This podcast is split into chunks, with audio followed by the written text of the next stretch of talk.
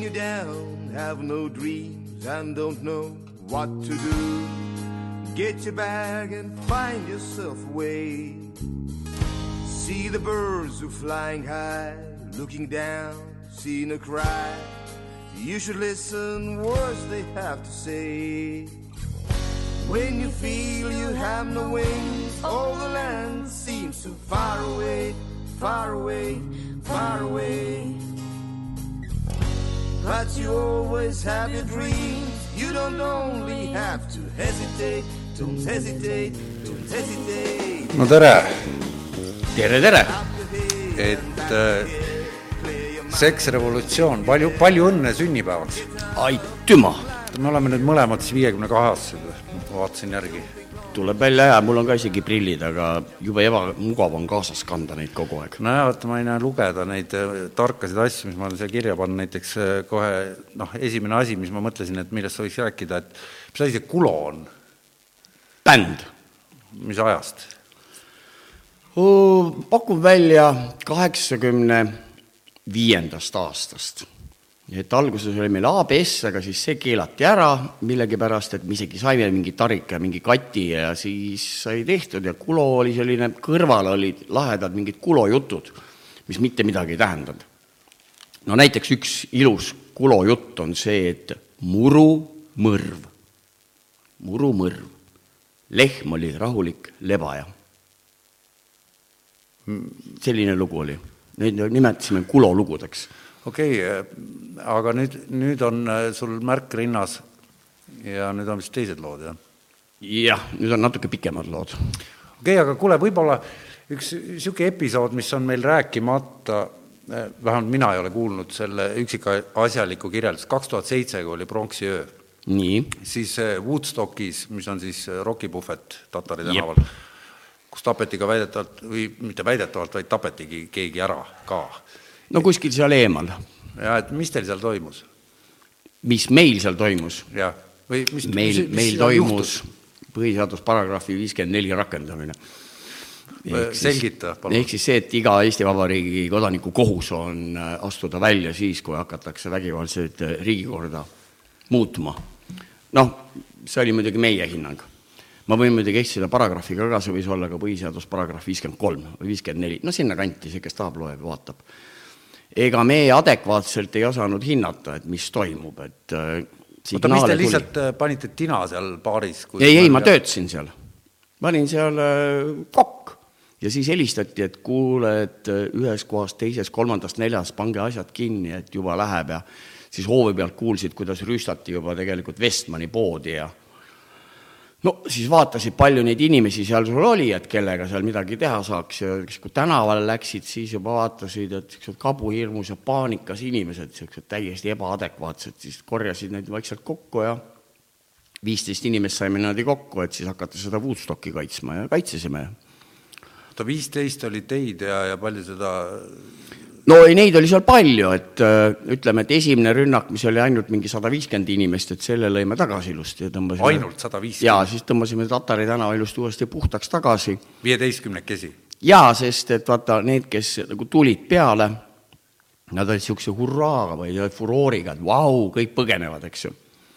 aga siis, kui hakkas neid sealt tagasi tulema, tõmbasime niisuguse väikse punase joone maha, et kust maalt edasi ei lase, et meil oli siis enesekaitsevahenditeks tühi taara, kilekott ja kaks pesapallikurikat.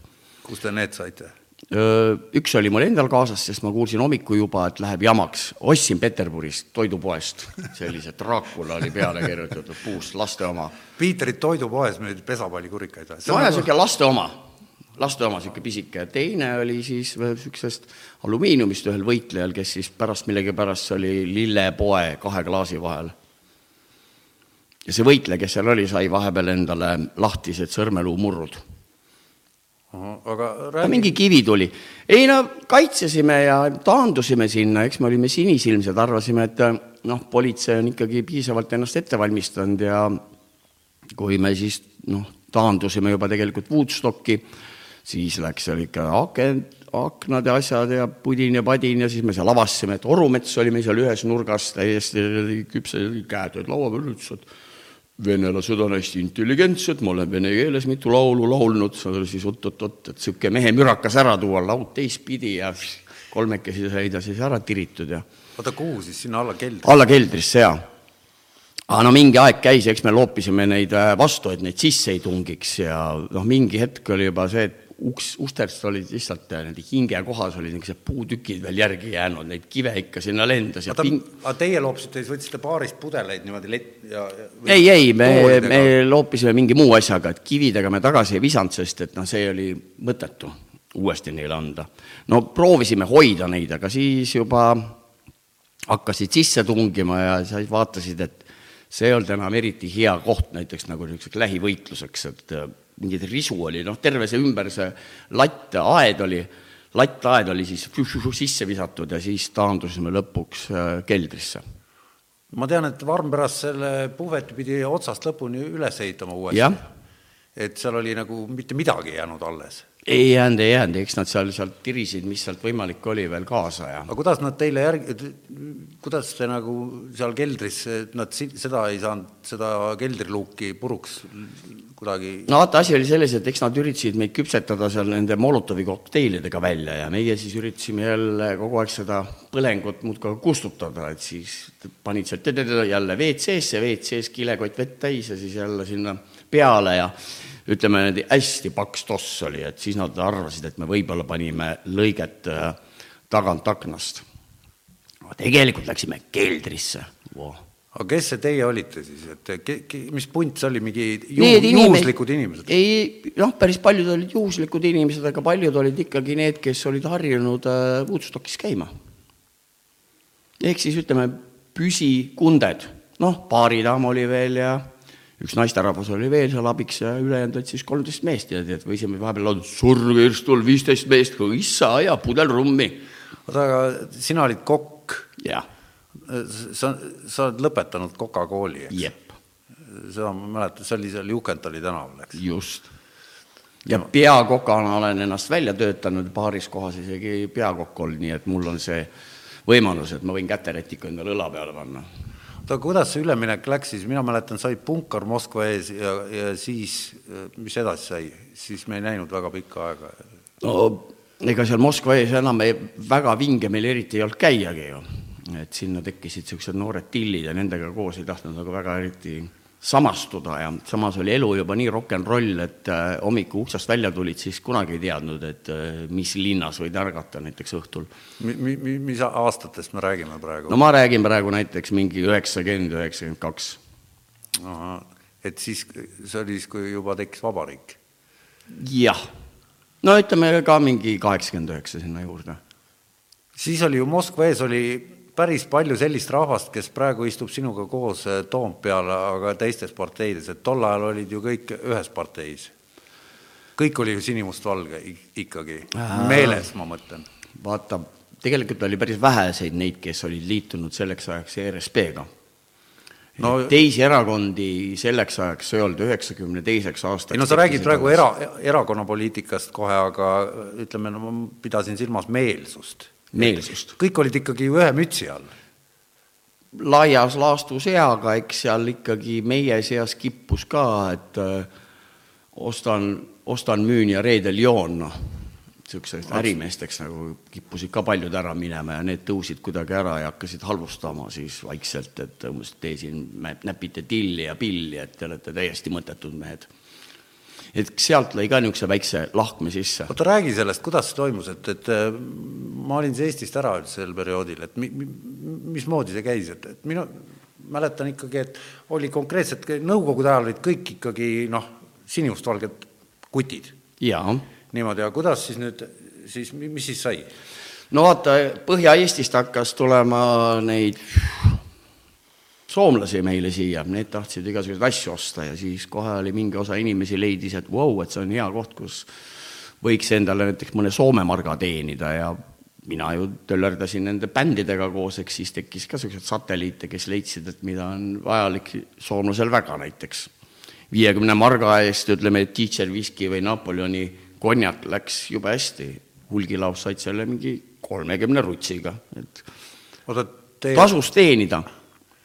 No aga ma ei saa praegu aru, kes teenis, sina? meie seast päris paljud muutusid äh, inimesteks, kes hakkasid äriga tegelema no ja, ja sealt tuli siis ütleme noh, neil ka natukene parem niisugune elamine ja siis nad võib-olla neid, kes me jäime rohkem niisuguseks aatemeesteks, võib-olla siis aatemeesteks, aga võib-olla olime lihtsalt arenemisvõimetud, ei osanud äri teha, et siis lõi niisugune väikse veelahe sisse. Ja, ja, ja sina läksid ERSP-sse või sa olid juba, see oli ei, ma ei olnud, ei olnud, et äh, mina liitusin ERSP-ga alles üheksakümne teise aasta kahekümnendal augustil vot see on päris huvitav moment, et äh, ma käisin kõikidel nendel üritustel ja mis seal olid, piketid, nõudsime seal need vabadust ja siis keegi küsis, et kuule, et miks sa murumängudel ei olnud? mis murumängud, saad aru. no et ERSP-l on murumängud, mul ei ole mingit parteid vaja, et ma lugesin ennast niisuguseks anarhistiks, et mul ei ole ühtegi parteid vaja. aga Uno Laur oli see, kes siis ütles, et kuule, et ega see on meile ainukene vastuvõetav partei, sest seal on sõna sõltumatus sees ja Merka on ka sellega liitunud ja siis oli kadunud Heiki Samel, kes taastas äh, Peterburis eestlaste kirikut, see küsis, et aga miks sa üksi müttad, et äh, sa ei ole mõelnud, et parteisse, ei ole mõelnud. tema oli see mees, kes ütles, et tule sinna Otsa kooli õllekasse, saame kokku, panime üles Piiskopi tänavale, ütles, näe, siin on avaldus, täida ära ja kogu lugu. sest mitte keegi ei olnud enne mulle niisugust pakkumist teinud. ja nii ma liitusin ERSP-ga nii et äh, siis sai sinust poliitik või? noh, ma võib-olla olin võib-olla eelnevalt natukene rohkem niisugune tänavapoliitik, et äh, aga siis ma olin juba erakonnastunud, sain endale Lasnamäe osakonna, vot see oli vinge, saad aru, kolm päeva tassisid Lasnamäel need inimestele neid kutseid kokku laiali, siis Piiskopi tänaval tuli kolm inimest kohale, üks kurtis, et äh, katus laseb läbi. Oota, mis, mis teha. asja sa said seal, mis osakonna? ERSP Lasnamäe osakonna kuskil kolmsada inimest juhtida, osakonna esimeheks okay.. teine tuli enda mingi muu probleemiga ja kolmas mingi muu probleemiga, siis ma nagu mõtlesin, et kas seda tegelikult ma nagu päriselt tahtsingi. aga see oli nii pull kogemus, et ma arvasin, et miks mitte oota, aga sa olid ju Lasnamäel mingi noorte mingisuguse asja mingi pulk ka ei no või see tuli hiljem pärast? see tuli hiljem, aga eks seal Lasnamäel sai ka muid asju tehtud, et ma mäletan, viiendas klassis ma üritasin teha sellist äh, organisatsiooni Sikupillikotkad. et siis on nagu parem niimoodi ühise jõuna vastu hakata nendele, kes äh, ei rääkinud meie keelt ja ei olnud meie meelt. okei okay. ma olen kogu aeg nagu midagi tahtnud teha ei, ma just mõtlesin, et ma siin saates olen vältinud täiega poliitikast rääkimast, et tänavast ei pääse, et mõtlesin küll, et pungist rääkida, aga paistab, et siin ei tule väga välja või, või kuidas see pung, pungindus sellega kokku sobis ikkagi? Ma arvan, et äh, ütleme, üheksakümne teisel aastal tundus mulle endale juba, et ma pigem tahaks olla rohkem nagu glam rock, et punk läks ju ise ka edasi et näed, Adam Ant alguses, minu suur iidol oli ju ka, alguses oli punkar, aga näed, pärast hakkas tegema uusromantikat ja sealt läks see edasi. mis aastast see lugu oli, mida me siin lasime? see on äh, kaheksakümmend üheksa aasta. et see oligi sellest, et äh, tollest hetkest läks meil niisuguse Eestis niisuguseks seksrevolutsiooniks, et Eesti oli siis eesrindlik maa, müüdi näiteks mingeid kalendreid, kus tütarlaps oli paljaste saiadega ja vihmavari ja siis selle tiraaž oli no ütleme, kakssada tuhat. nii palju teadis see tütarlaps ja siis see härrasmees, kes selle tellis, aga ma arvan, et neid müüdi Venemaale vähemalt mingi paar miljonit. tõsi ka, see on päris kõva business. no päris kõva business oli muidugi. Aga siis läks kõik müügiks, siis oli ikka, tuli ju see, et igas telepildis pidi keegi paljaste saiadega läbi jooksma ja no, kuskil pidi ajakirjas olema, et näitama ikka, et on ja selline seksrevolutsioon, noh, minu arust. käpardlik, aga asja sai. okei okay,, nii et sa tegid siis äh, paralleelselt tegid oma seda punkbändi ja, ja ajasid mingit äh, Lasnamäel poliitika asja nagu need nojah. Ja siis tuli veel jalgpallihaigla kunagi mingil no jalgpallihaigla tuli ikkagi mingi kaks tuhat, kaks tuhat üks, et ei no see on siis ikka hiljem, kümme aastat. no vaata, Peeter Unt oli see, kes kutsus üheksakümne teisel või kolmandal aastal mind, et kuule, et lähme jalgpalli vaatama, ma ütlesin, et milleks, et noh, venelaste ala, et aga ta ütles, et ei, et läänes kõik konservatiivid vaatavad jalgpalli ja läksin usinasti siis vaatama, no kunagi olin, kui Tatikas olin, siis ma karisin, Kalev, jube vinge oli välja elada ennast ja siis läksin sinna, hakkasin kaasa elama Eestil, siis öeldi, ära siin lõuga, saad aru, et mine sinna teisele poole, staadionil oli tead kolmkümmend inimest. kuule, kaks saadet tagasi oli siin Olev Reime rääkis lõvide tõusust ja see toimus kaheksakümnendatel. ja, ja, ja liidu tasemel, et, et, et siis oli ikka Eestis juba vutt täitsa olemas no jaa, aga üldjuhul Lõvid olidki esimene eestimeelne, eestikeelne klubi, et mul on õnnestunud isegi Lõvidega mängida, seal oli, mis meil seal oli, see Kadrioru või Keskväljak, tead seal no., seal me ikka trennis mängisime nende lõvidega ja mul oli hüüdnimi Pele ja siis ma ees istusin ja pidin ainult väravaid lööma. no ma ei teadnudki, et sa ise mängisid ka jalkat no mitte just, ega ma ei jaganud tehnikast ega reeglitest midagi, aga lihtsalt niimoodi hängisime seal, et vahepeal siis, kui me üldfüüsiline trenn oli ära tehtud, siis treener ütles, et nüüd võite jalkat mängida, siis et näete, nüüd on lõvid, mängige nagu nendega, et eks nad meid lüpsid seal, aga mitte väga hullult. no vaata, kui ähm, kaheksateistkümnendal juulil vist tuhande üheksasaja neljakümnendal aastal toimus Eesti ja Leedu vaheline sõpruskohtumine, siis pärast läks kolm tuhat inimest presidendi lossi juurde ja nõudis Pätsi käest, et mida värki on ja pärast seda sellised spordiüritused, kus publikut ei ole võimalik enam kuskile suunata, need siis venestati ära. et selleks ajaks oli Venemaal toimunud juba päris mitmed suured jalgpallirahutused äh, paarikümne ohvriga. ilmselgelt jäeti eestlastele suusatamine, et las nad seal Otepääl karjuvad enda sinimustvalget seal lumehanges, kui tahavad, aga vähemalt nad ei tekita mingit jama, nii nagu näiteks kaheksakümnenda aasta kahekümne teisel septembril Kadriorus. no see propelleri kontsert. just olid seal? Ei olnud. Ja ütlen täiesti julgelt ära, kuigi ma võiksin rääkida praegu legende, nii nagu kõik räägivad, et ei olnud, mina käisin purjetamas ja mina ei teadnud sellest midagi. Ja kui ma hiljem teada sain, muidugi oli mul kahju, aga sellist järelmäss, mis kaheksakümne esimesel oli, siis sai ikka käidud, seal oli VEF-iga, et VEF on kehv Kalevi korvpall ja niisugused asjad ja seal mul löödi ka neerud lahti, et oota, sa siis äh, niisugune, teil oli mingi gäng või? No me Lasnamäelt seal oma kooliga läksime sinna. mis koolis sa käisid seal? Sikupilli, kuusteist. kuueteistkümnendal, Saksa, ei, oota, see oli Saksa? ei, ei, kuueteistkümnes keskkool oligi, nüüd ta on täna, nüüd see... ta on Kadrioru gümnaasiumi algklassidega ja mul oli ja... lihtne, et mul käis seal ema ja isa käisid selles koolis ja vanaema käis selles koolis ja isa-vennad, et äh, see oli selline perekool nagu. nojah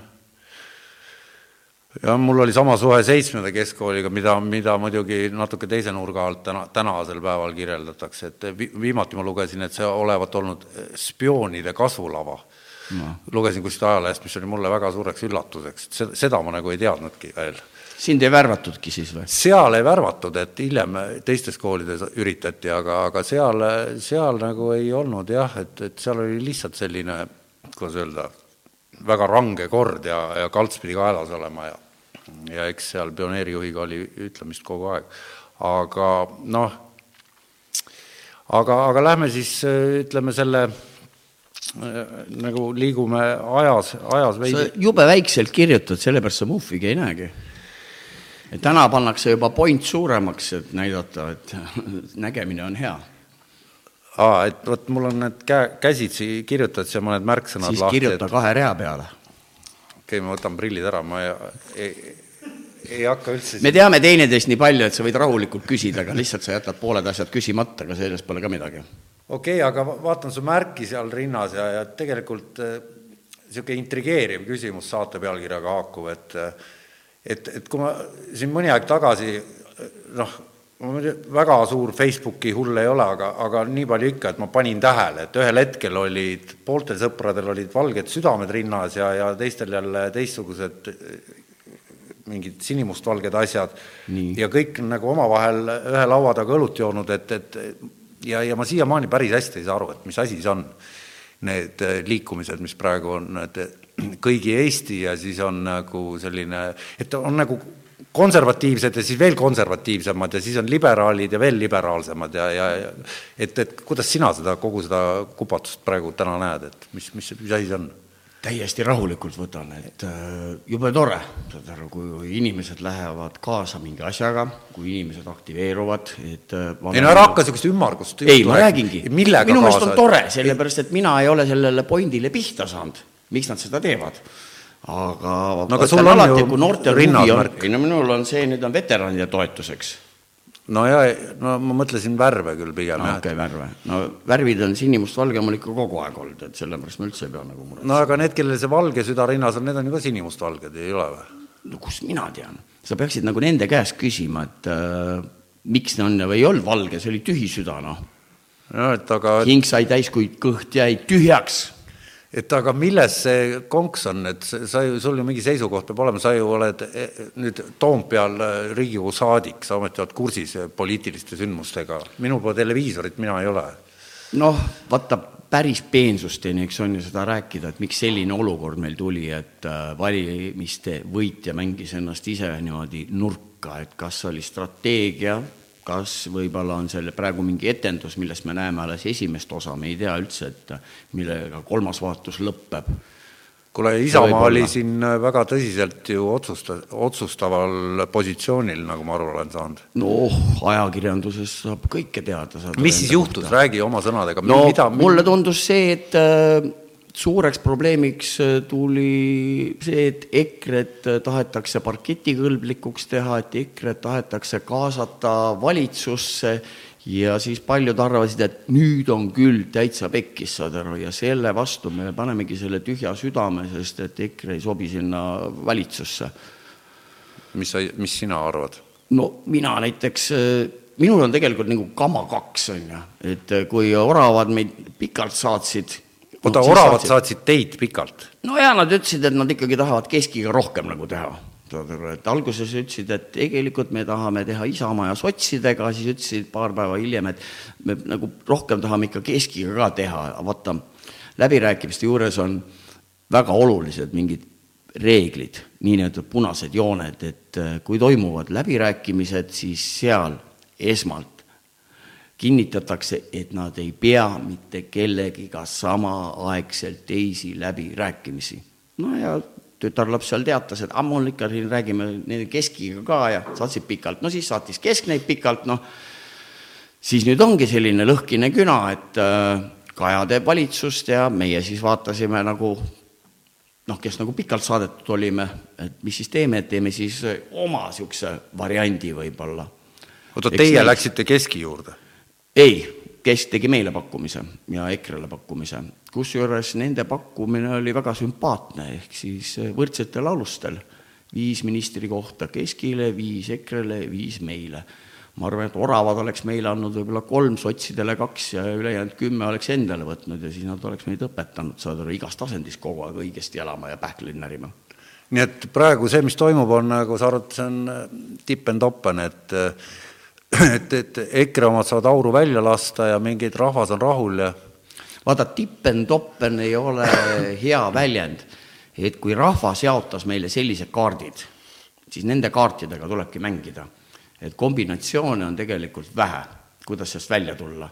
ja nii ta ongi, et midagi ei ole teha, rahvas on enda valiku teinud niimoodi on need kaardid jaotunud ja nüüd tuleb edasi minna. no aga rahvas andis kõige suurema mandaadi kes- või sellele Reformierakonnale no,, ne, neid pole nüüd, pole. no vot, mina ei oska sulle öelda, miks nad esimese, esimese paari tihi juures kohe ässad maha loopisid. nüüd nad siis, saad aru, siksivad saad aru enda ruutuneljadega. aga mis sa arvad, mis nüüd juhtub siis, mis, mis, mis, mis su plaan on, mis, mis teie noh, plaan on või? plaan on. Praegusel hetkel lihtsalt näis, näis, ega meie ei juhi praegusel hetkel seda protsessi, et äh, pigem peaks küsima, et mis Kaja teeb, et Kaja ju sai reedel ülesande moodustada valitsus, millegipärast keegi ei küsi, et kas Kajal, kuidas läheb, kas ta on mingid mõtted juba tulnud, kas ta otsib mõtteid või, või ta otsib ühisosa. No praegu sa nagu süüdistaksid teda, aga samal ajal noh, ma ei mäleta, et, et ma oleks näinud sind äh, rinde ees kiitmas Keskerakonda üldse kunagi. ei, sellepärast et mina arvan, et kui äh, maffia vahetab ristiisa, siis ega temast ei saa kodanikuühiskonna organisatsiooni selle pärast. see tähendab siis nüüd, et et neil on äh, päris tugevad äh, kuritegeliku organisatsiooniga sarnaseid tunnuseid, ütleme siis niimoodi poliitiliselt äh, viisakalt, peetult. ja ma leian, et see samasugused süsteemid toimivad ka võib-olla mõnes teiseski erakonnas, aga olles üksteist ja pool aastat Tallinna linnas opositsioonis, ei ole eriti just Tallinna linna vaadates, näha suurt muutust. küll on seda suurt muutust näha olnud selle kahe aastaga Riigikogus, aga Keskerakond Tallinnas ja Keskerakond äh, Riigikogus on kaks täiesti iseseisvat ja erinevat asja, täitsa vastuolulised, et millal see seal paika loksub, et see tuleb ainult aeg annab arutust aga sa räägid nagu niimoodi nemad võtmes, et aga te olete nüüd ju koalitsioonis, et, et... jaa, aga see ei tähenda, et me oleksime ühinenud. et jubedalt äh, tähtsustatakse üle koalitsiooni. see ongi meeskonnatöö. täna on kolm, noh, ütleme varsti on siis see, et kolm erinevat erakonda, kes äh, karvupidi olid üksteisel turjas no, vastandusid, et ajavad mingil määral ühist asja, see on, ütleme, samamoodi, et kui me jalkafännidega näiteks äh, lähme nüüd Ukrainasse esinema, siis meil on erinevates klubides fännid on seal koos ja mängivad. samas need fännid omavahel ikkagi kerge hõõrumine käib, aga siis, kui on mäng ja kui on vile, mäng käib vileni, siis mängitakse. müstika on see, et äh, kahekümne kaheksandal märtsil kahe tuhande neljateistkümnendal aastal olid Donetski, Šahtjori ja Harkivi Dünamo, Harkivi fännid, metallistid kõndisid koos ja laulsid Putin huilo. enne seda oli see, et fännid nagu nägid teineteist, ainult kiskusid ja kaklesid, siis sellest hetkest on muutunud kõik Ukraina jalgpallifännid, erimeelsused maha pannud, täna nad võitlevad enda iseseisvuse eest. no see on ühine vaenlane. jah, just samamoodi ei ole mitte Riigikogus ühist vaenlast, vaid on ühised eesmärgid. no ja see, mis muidugi igaüks oli lubanud, sest et see vastavalt sellele no, tehakse no, koalitsioonilepe. muide, vaatasin eile arvutist Aktuaalset Kaamerat ja, ja seal toodi välja, et ainuke punkt, kus kõik olid äh, ühel, absoluutselt ühel nõul, ja mis asi see oli, see oli mingi suhteliselt selline triviaalne asi, et, et aga, aga, aga enamus asju oli niimoodi, et, et, et te seal nagu äh, ise usute, et panete neli aastat või? Väga ei usu, sest et üldjuhul meil viimasel ajal koalitsioonid kestavad kaks aastat. et kaks aastat enne valimisi on vaja koalitsioon lõhki ajada, uus teha aga meelde tuli, see oli põllumajandustoetused võrdsustada Euroopas kõik, et oleksid võrdsed, et selle, selle koha, see oli ainus punkt, milles olid kõik erakonnad. no jaa, aga seal ma arvan, et seal on ka niisugused pisikesed nüansid, eks ju, et võib-olla üks erakond tahab rohkem näiteks mingi piimatootmist, teine erakond tahab siin ei no okei okay,, aga seal oligi just point selles, et, et see oli punkt, kus oldi ühel nõul, aga kõik, kõik ülejäänud asjad olid justkui niimoodi, et e-, EKRE oli silmapaistvalt teisel positsioonil, et EKRE tahab üldse panna piirid, oma piirivalve tekitada, tekitada, ma sain nii aru? valesti oled aru saanud, et see oli nende mõte, aga mingi hetk, vaata, kui sa ei ole valitsusvastutust kandnud, kui sa ei näe seda suurt pilti, siis sul tekibki alati niisugune mõte, et vot, see on hea mõte. siis, kui tulevad ümber laua ja teised ütlevad, et see ei ole hea mõte siis, kui see läbi arutatakse, leiavad nad ka, et kuule, et aga see ei olegi tegelikult päris võib-olla nii hea mõte. et kui sa enda Facebooki kinnises grupis karjud, et see on hea mõte ja mõni mees arvab, et ta ei ole hea mõte, siis visatakse sealt grupist välja. ja terve grupp näeb, et sada protsenti see on hea mõte. kui sa aga selle mõttega lähed teiste juurde ja arutatakse niimoodi pisikesi detaile, siis leidub, et ei ole, et minu meelest kui see piiride probleem tuli, siis oleks pidanud tegema EKRE ja sotsid valitsuse, et Ossinovski tahtis panna Lätile sinna piiri ette ja EKRE tahtis ka sinna Lätile piiri ette, et üks ütles, et tuleb alkohol ja teine ütles, et tulevad need pagulased, noh. Nojah, et aga minu arust see ei mahu pähe, et, et noh, et nüüd detailidesse minemata, et et meil on siis praegu kaks rahvuskonservatiivset erakonda, kes omavahel läbi ei saa, on valitsuses või? Vot ma ei tea, mille järgi seda võtta, et kas me saame läbi või ei saa läbi, et kui sa nüüd tähelepanelikult vaatad, siis Isamaa on ikkagi päris vaoshoitud, võtab rahulikult, me saame aru, et on uued tulijad kellel ei ole veel kogemust ja loomulikult, et äh, no ilmselt sinagi, kui sa oled noortega koostööd teinud, on ju, noor tuleb, on ju, ja räägib ja siis sa mõtled, et uu, aga sa annad talle võimaluse. sellepärast, et sa näed, et tegelikult lootust võib-olla seal on, et talle lihtsalt ei ole teadmisi. oot, sa räägid, et äh, praegu e e EKRE-st või? jah. et Mart Helmet nagu võt-, et nagu no, no Mart on olnud ainult äh, siis ütleme, suursaadik Moskvas ainult? siis ta on olnud, äh, no ta oli selle piirileppe äh, autor, jah, ega ta rohkem poliitikas niimoodi rohkem kaasa ei löönud, siis ta oli minu teada veel Audentases ja Tallinna Tehnikaülikoolis oli õppejõud ja siis ta oli ajakirja Konservatiiv äh, peatoimetaja, kus ta pidi kiitma siis Euroopa Liitu. no te olete mõlemad bändi teinud, te võiksite koos teha? meil oli päris ilus bändimeeste koridor mina, et äh, seal oli kolm niinimetatud lauljat, mina, Mart Helme ja Volmer. sest Nii. me kõik oleme hoopis mingil teisel elualal. Ja neljas oli siis meil Mihhail Korb, aga tema me otsustasime, et tema jääb äh, transameheks, et me ei taha, et tema ka niinimetatud lauljaks hakkab.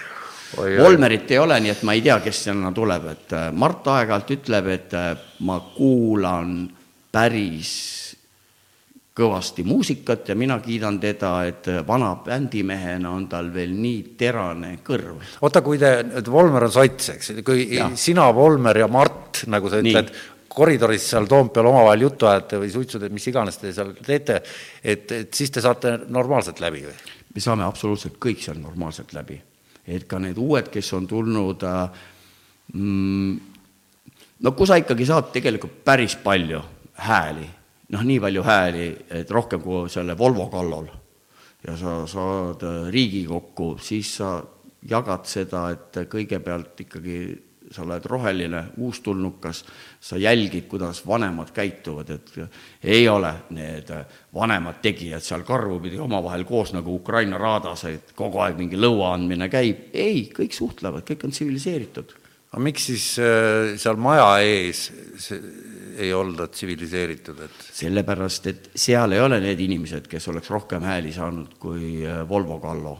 seal on lihtsamad, seal on lihtsamad inimesed, lihtsamad inimesed tullakse, tulevad välja sellepärast, et keegi kuskil midagi ütles. siis toovad üksteist jalaga perse lihtsalt äh, selle ja panevad mingeid kujusid äh, põlema või mis iganes. tead, kujusid ma ei ole tähele pannud, et põlema pannakse, aga ega ma väga ei jälgi ka, kas see nüüd see jalalöögi lugu on selline, et see tõde on alati kuskil vahepeal, ütlen sulle ausalt, et äh, Urmas Espenberg kutsus äh, Indreku sinna rääkima, Indrek läks sinna rääkima ja nii muhela naeratusega, kuidas ta selle mikrofoni võttis, eks ju, noh, seal natuke lohistati ja kõike seda ja kuidas ja Indrek pärast niimoodi naeratades läks ja teatas seal vist Ringvaates, et ma sain ai-ai-ai, et äh, ma arvan, et see oli niisugune hästi aga ikkagi traagelniite oli näha lavastatud lavastus ja see läks korda kõikidele, et äh, no sellest oli jõle palju lärmi, aga ja, ja. mis sest kõigest tolku no ma tuletan oli? meelde, et äh, viisteist mai tuhat üheksasada üheksakümmend, kui oli see Interrinne, tuli ju transistorraadioga öeldi, et appi Toompead rünnatakse, et Rahvarinde turvateenistus oli sellel ajal erinevates furgoonautodes millegipärast transistorraadioga ja siis, kui transistorraadiost tuli see appi Toompead rünnatakse, siis nad tegid selle inimketi, et siis need internatsid pääseksid terve nahaga ära, sest et siis juba tulid tigedad eestlased, kes tahtsid lihtsalt maha lüüa. ka üks meie lähiajaloost hästi lavastatud üritus. okei okay et äh, sa peaksid aru saama, et meediast me loeme seda, mida meedia tahab, et me meediast loeksime ja seda kõike ei maksa. ma ei loe e-, eriti üldse enam meediat ja, ja nagu ma ütlesin, telekat ka ei ole, et mistõttu ma ei saa öelda, et ma oleks väga palju asju no aga eile vaatasid AK-d suure lahti ja uskusid? ei, ma lihtsalt vaatasin sellepärast, et ma teadsin, et täna sinuga hakkame siin rääkima ja siis ma mõtlesin, et ma vaatan, olen kursis aa, et kas mul oli eile sünnipäev ja kas AK-st tervitatakse? jaa, aga ma sain teada seda, et täna, täna, et, et see et sa kandideerid Euroopa Parlamenti ja siis mul nagu kadus üldse järg ära, et, et et mismoodi see asi nüüd siis käib, et kogu see punt et, et see eilses AK-s oli ka see, et kõik rääkisid, ma ei mäleta, mis erakonnast nad olid, aga erinevatest ühte ja sama asja, et et, et see Riigikogu valimised võttis võhma välja ehk raha sai otsa ja nüüd seetõttu Euroopa Parlamendi kampaaniat ei jaksa keegi teha ja et meil on siin umbes see asi läheb niimoodi eh, kuidagi nagu omasoodu, et, et mis sellega on, et? No eks seal häda haldama peab, on ju, ja ma arvangi, et täna see Kajal tuleb mõte see üritus ongi rohkem tegelikult nagu kuradi Euroopa Parlamendi siis kampaania. küll aga ma viis aastat tagasi olin siis Tunnekelami õpipoiss, päris siiralt no äh, valmistusin, valmistusin, jaa, valmistusin sinna Euroopa Parlamenti minema ja täna on mul, ma olen nüüd kaks aastat olnud äh, Riigikogus Euroopa Liidu asjade komisjoni liige, ma noh, pilt läheb suuremaks. mis teete seal? Kuule, meil on see, et äh, valitsus tuleb ja ütleb, milliseid seisukohti nad lähevad sinna kaitsma ja meie siis äh, anname selleks kas heakskiidu või teeme mingid täiendused ja meiepoolsed märkused on kohustuslikud kõikidele ministritele. Okei okay,, hakkame siis sellest pihta, et kes on meie, kes meie komisjoni liikmed. jah, et palju teid on ja, ja kes on see valitsus, kes tuleb ja ütleb? no Vabariigi Valitsus. nojah, aga noh, konkreetsemalt okei okay,, ma räägin sulle konkreetsemalt seda, et näiteks mingid ametnikud mõtlesid välja, et äh, plastmass on jube paha. no ongi paha. no, no ja nii, eks ju, ja siis tuli välja, et Vahemere ääres on äh, plastmassi plödi nii palju rannas, et selleks, et seda vähem oleks, peame meie Eestis siin keelustama plastmassi samas näiteks Euroopa Liidu asjade komisjoni liikmed arvasid, et kas ei oleks mõistlikum tõsta Vahemere äärsete elanike teadlikkust et näed, meil keegi enam ei loobi mingit sodi sinna ja tänna. no rääkisime, arutasime, ma küsisin, et kas me ei peaks siis näiteks keelustama ka preservatiivid, sellepärast et Vahemere ääres on väga palju neid preservatiive ja meil samamoodi jälle iive tõuseks ju. seda lehti, et see ei olnud hea. Küll aga taheti ära keelata ka see kokteilkõrs plastmassist. televiisoris näidati India ookeanis tõmmati suur hiidkilpkonn välja, sellel oli kokteilikõrs ninas, see tõmmati Ledermanniga välja ja küll oli kole pilt, on ju. siis mina ei saa aru ja ma küsisingi, et miks te arvate, et meil tuleks Eestis nüüd kokteilkõrs kaotada, et kas te tõesti arvate, et ma ostan selle smuuti, siis mul on see kokteilikõrs ja siis ma panen selle kodus kappi.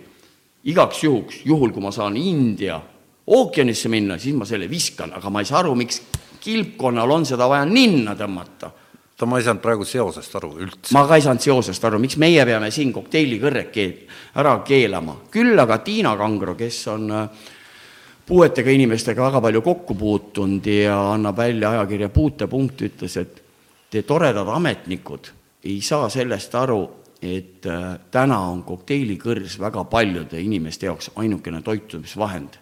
meie seas on niisuguseid inimesi siis nad arvasid, aga nad võiksid käia mingi metalltorudega ja mitu korda pesta, et kui meie ühiskonnas on haavatud grupp, nõrgemad, siis me peaksime neid nagu aitama. siis keegi ütles, aga las nad ostavad apteegist, et võib-olla me ei pea tuhinaga kõik nagu minema ja siis me ütlesimegi, et kokteilikõrred võiks sealt välja jätta. Aga ilmselgelt, kui nüüd Euroopa Parlamendis hakati seal asju kokku arutama, siis äh, meie saadikute hääl oli vaikne, sest et äh, nad ei suutnud võib-olla seda seisukohta kanda, et meil Eestis näiteks me ikkagi näeme paljudele inimeste jaoks, kelle jaoks on see ainuke toitumisvahend, puudega inimesed, aga samas ka päris paljud mu tuttavad, kellel on lõualuud puruks löödud, ongi siis klambriga imeb siit seda hapukoor. sa räägid nüüd juba viis minutit kokteilikõrrest, kas kui sa olid Tunne Kelami õpilane, et, et kas see oligi see, mida te arutasite omavahel? ei, see oli nüüd viimane asi, mida ma sulle räägin sellest okay. näitest, et mida me ütlesime, et me ei ole a priori kohe nõus sellega, mis kabinetis on vaikselt sündinud. ja me leidsime, et ei ole mõtet hakata Eestis koheselt plastmassi ära keelama, vaid me võiksime proovida enda head know-how'd viia ka Euroopasse Eestis on Eesti inimeste teadlikkus tõusnud, nad ei loobi plastmassi enam aknast välja autoga sõites. meil on see keskkonnateadlikkus olemas, võib-olla me saame sinna manjana vendadele ka viia selle. Ja siis ei olegi see asi et kas see Tunne Kelam seda, räägi mulle, kuidas see välja näeb, et mismoodi oli ta õpipoiss, et mida ta sulle õpetas, et ta on nüüd seal Euro-, Euroopa Parlamendis olnud ikka pikka aega, et ja. mis, mis see, räägi. vaata, siin ma ei saa nagu selle kõiki asju ära välja öelda, sellepärast et teised võib-olla konkurendid, kes lähevad, see on alati hea, kui nemad libastuvad, eks ju. Seda enam, et kui nad on liberaalid, siis ongi tore, kui liberaal libastub, on ju, või kui sotsid, siis sotsidel on hoopis oma lähenemine. et äh, need on need teadmised, mis antakse edasi. ma olen kogu aeg propageerinud seda, et peaks olema meil äh, õpipoiss, sell ja meister meil on see, et meil tulevad õpipoisid, kes kohe saavad meistriteks ja siis ongi meil no kuidas nad saavad? Äh, antakse neile amet, et äh, olen ise olnud ju teenistuja ja näen, inimene võetakse tööle ja ta on spetsialist, siis ma vahest olen aidanud sellel spetsialistil ka ninapidi selles töös olla mille spetsialist ta on, et kui ta annab inimestele nõu, kuidas seda tööd teha, ta võiks eelnevalt ka seda kogemust omada. no too mõni näide, mi-, mi-, milles sa oled spetsialisti mm, koolitanud? ma olen üle kaheteistkümne aasta alaealiste komisjoni liige ja kas selline asi jaa, et kunagi oli eh, ei, alaealiste oot-oot, alaealiste asjade komisjon oli Vene ajal ja praegu on alaealiste komisjon jah, aeg nüüd nad on muidugi likvideeritud ja ilmselt varsti Tallinn taastab selle uuesti, siis oli Noorsootöökeskuses inimene, kes pidi andma kõikidele alaealiste komisjonidele nõu. Mina siis äh, suutsin äh, vähemalt nii paljugi teha, et see inimene, kui ta sinna tööle võeti ja pidi lihtsalt raamatust lugema, kuidas on kõige parem alaealiste komisjoni tööd teha, võtsin ta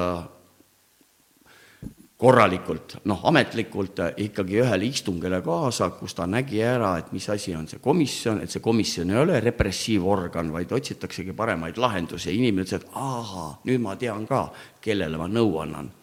aga see on täiesti tavapärane, et äh, inimene tuleb, saab endale ameti ja siis võib-olla tuleb ka pädevus. nojaa, aga teistmoodi vist ei olegi võimalik vaata, mina arvan jälle, et ikkagi on õpipoiss, et kui sinna tuleb mingi praktika ei no jaa, aga õpipoisil siis... peab ju ka amet olema ju. õpipoisil ongi see amet, saad aru, et ta õpibki seda, mis seal toimub. Äh, no selleks on kool. koolis ei anta sulle eluks kõiki erinevaid teadmisi no jaa, aga tööl peab oskusi. ju, palgatööl peab ikkagi ju olema mingisugune ei, aga õpipoiss äh, sai ju ka raha.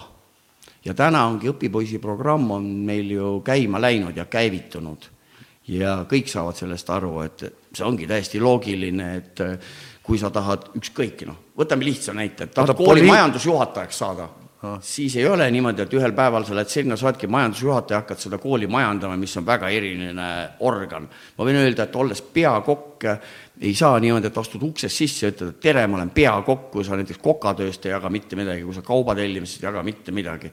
ja see on jube raske amet, sa oled mingi kolme erineva seltskonna vahel omaniku arvates teed sa kõige kallimatest toorainetest jubedat saasta. kliendi arvates teed sa kõige odavamast äh, toorainest kõige jubedamat saasta. kokkade arvates teed sa kõige odavamast äh, toorainest saasta ja üldse sa oled täielik leo ja oota, mis selle kõige resümee on? selle resümee on see, et äh, ka kööki võetakse tööle inimesi õpipoisina, siis nad töötavad, siis nad saavad juba kokaks ja siis sealt alles peakokaks. oota, kas poliitikas ei nimetata seda broileri farmiks või midagi sarnast? Või me räägime eri asjadest? vaata, mina näiteks olin äärmiselt küüniline nende broilerite suhtes, samas kuskohast need noored inimesed, erksad mõtted peale tulevad, et ikka erakonna noorteorganisatsioonist, pistavad nina sisse, saavad asjast aru ja siis äh, kasvavad, võib-olla ongi, näiteks minu vanaema tahtis äh, osta kummipaati Eestist emigreeruda, kui kuulis, et Laari valitsus tuleb, kus ministrid on kahekümne seitsme aastased, noh, ta ütles, et väga kole, kahe aasta pärast ütles, et jube hea. aga meil läks olukord sellega rappa, et need noored, kes tulid erakonna noorteorganisatsioonist ja neid oli kiiremini edutatud, kui nende tiivad ise oleks kandnud ja siis hakkasid need noored broilerid õpetama tegelikult juba kana, et kuidas asjad peaksid olema ja tõusid ära. ma mõtlengi, et, et ma olen nii poliitikakauge inimene, et, et need tüübid, kes keskkoolipingist sisuliselt läksid poliitikasse, neid on meil ju seal Toompeal terve hulk, et et, et kes ei ole midagi muud teinudki, et, et mis sa neist arvad, et, et kas inimene peaks ennem mingisuguse ameti omandama ja siis poliitikasse minema või võibki kohe minna nagu koolist otse põmm? ma arvan, et äh, kõige olulisem on see, milline on tema kinderstube. Ehk siis lastetuba. just, et no aga ega sa ei saa ju ometi mingit filtrit sinna vahele ehitada. ei, ei, sa ei saa, aga iga erakond peaks ise tegelikult äh, väga tõsiselt vaatama, et keda ta edutab, keda ta annab, sest et ma arvan, et vahest on ikkagi mõni kaheksateistaastane noor on tunduvalt avatum, tunduvalt nutikam, tunduvalt targem kui mõni kolmekümne viie aastane üliõppinud aga... inimene, kes on töötanud mitmetes juhtivatel kohtadel, aga samas ta ei ole päris reaalse eluga kokku puutunud. räägi lahti natukene selline erakonna hingeelu, et, et see oleks päris huvitav, et, et mismoodi see tehniliselt niimoodi kohe niimoodi pulkadeks võetuna välja näeb, et tuleb Nii. üks noor inimene, tahab, äh, ma ei tea, mingil põhjusel, et Kinderstube on selline, et sinimustvalge on vardas ööpäevaringselt ja nüüd ta tahab tulla erakonda ta on kaheksateistaastane. nii, liitub erakonnaga. Ja nüüd sina ütlesid, et vot, et mõni on selline, aga mõni ei ole, et, et kuidas nüüd see selektsioon teil seal või üldse äh, no ütleme, see ongi töönoortega, et siis sa kutsud, kaasad noort igale poole erinevatesse kohtadesse, sa näed, kui palju ta viitsib tulla, kui palju ta ei viitsi tulla kui palju ta on nõus vabatahtlikult panustama, sest see on alguses vabatahtlik panustamine ja siis sa näed, et osad on nutikamad, osad on vähem nutikamad. mis neid, mis seda sa-, neid käima tõmbab?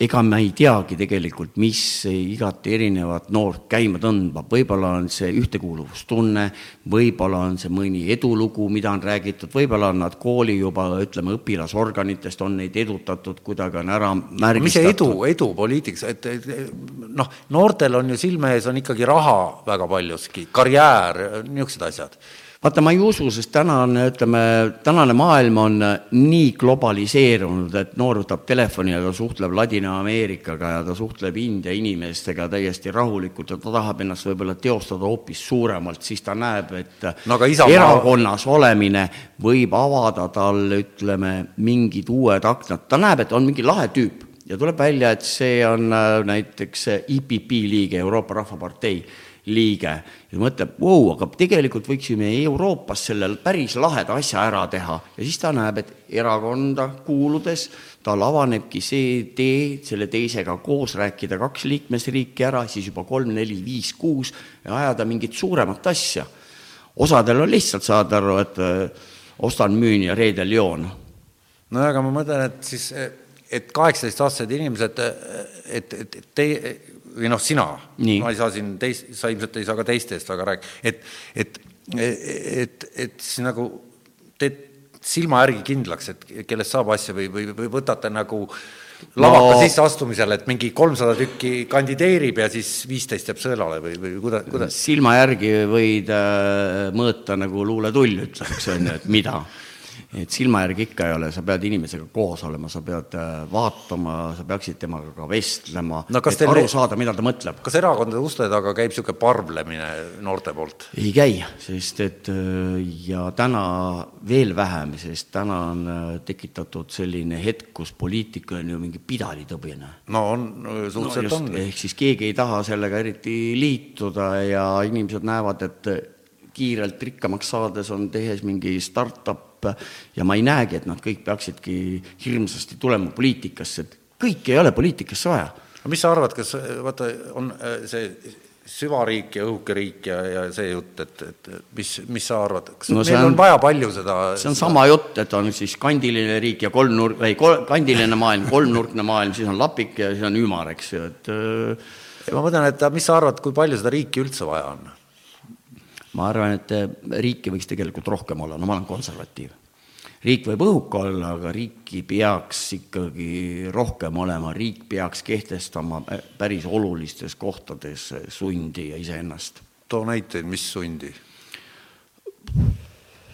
Kui ikkagi ühiskonnas läheb arvamus see, et äh, mõned asjad me peaksime andma niinimetatud isevooluteed, et küll ühiskond paneb selle asja paika, siis äh, nähes, et see võib olla lihtsalt katastroof. sõjaväe kohustus? mitte ainult see, ütleme kas või ka näiteks äh, meie liiklussurmad et äh, ma olen üle kümne aasta ajanud seda, et äh, kriminaalses joobes inimest äh, karistatakse ettekavatsetud tahtliku tapmise katsega. ja täie rangusega väänatakse kõigile tõmmatakse kakssada esimest, kes kätte saadakse, paar Riigikogu liiget, mõni vallavanem, need. ma küsin vahele, millal sa joomise maha jätsid? kaheksakümmend, kaks tuhat üks, aga mul ei ole juhilube siiamaani ja ma leian, et inimene sel hetkel, kui ta on purjus ja istub rooli, on ta potentsiaalne mõrvar aga sa mäletad ikkagi ju veel, kui sa ise olid purjus? ja siis oli, juht oli ka purjus ja sai käidud ka üle katuse ja, ja, ja uksest välja kukutud ja kas ja... tuli sul korraks see mõte pähe, et sa oled mõrvar? mina ei olnud roolis. no vahet pole. on, vahe on suur, ma ütlesid sa sellele, kes roolis oli, et sa oled mõrvar? tollel ajal loomulikult ei öelnud no seda ma silmas pidan. ei, aga vaata, see on ka see aeg, kus näiteks mina küll ei ole tuvastanud seda organit, millega ma mõtlesin nojah, sa nüüd lööd la lahku see, nagu, et see oli, ei, elu oli lihtsalt, siis oli niivõrd rock n roll, et äh, mäletad ise, kolmekesi olime pagasnikus, saad aru, kui oli vaja viisteist meest ära viia, eks ju no. lahtise õlle järgi käia, et aeg oli teine, ühiskond tegelikult lubas sellel ajal niisugust eetris isegi purjus inimesi, mäletad ju? ühiskond on tänaseks ikkagi päris palju muutunud meil liiklussurmad on üks asi, aga liikluses sandistunud inimesed ja sandistuvad tavaliselt need inimesed, kes on täiesti korralikult sõitnud, sest jumal hoiab joodikuid. kuidas sealt mäe pealt üldse see rahvas paistab nagu, teistmoodi ka? Mäepealne rahvas või mäealune rahvas? Tava, tavaline lihtnim nagu mina. täpselt nii nagu noh, mullegi, ehk siis ma sõidan ühistranspordiga. Ma ei kasuta väga seda eelist, et ma saaksin taksoga sõita, ma ei aga võiksid muidu või? jaa, mul on see antud, et jah, et sõida, aga ma ei näe seda põhjust, ma sõidan ühistranspordiga, millegipärast mulle see meeldib, ma näen ühistranspordis paljusid inimesi, ma näen neid rohkem, mul on see niinimetatud side inimestega olemas, inimesed tulevad, võtavad nööbist kinni ja ütlevad julgelt, tere, mina olen sinu valija. ma olen õnnelik inimene, sellepärast et ma isegi tean enda valijaid.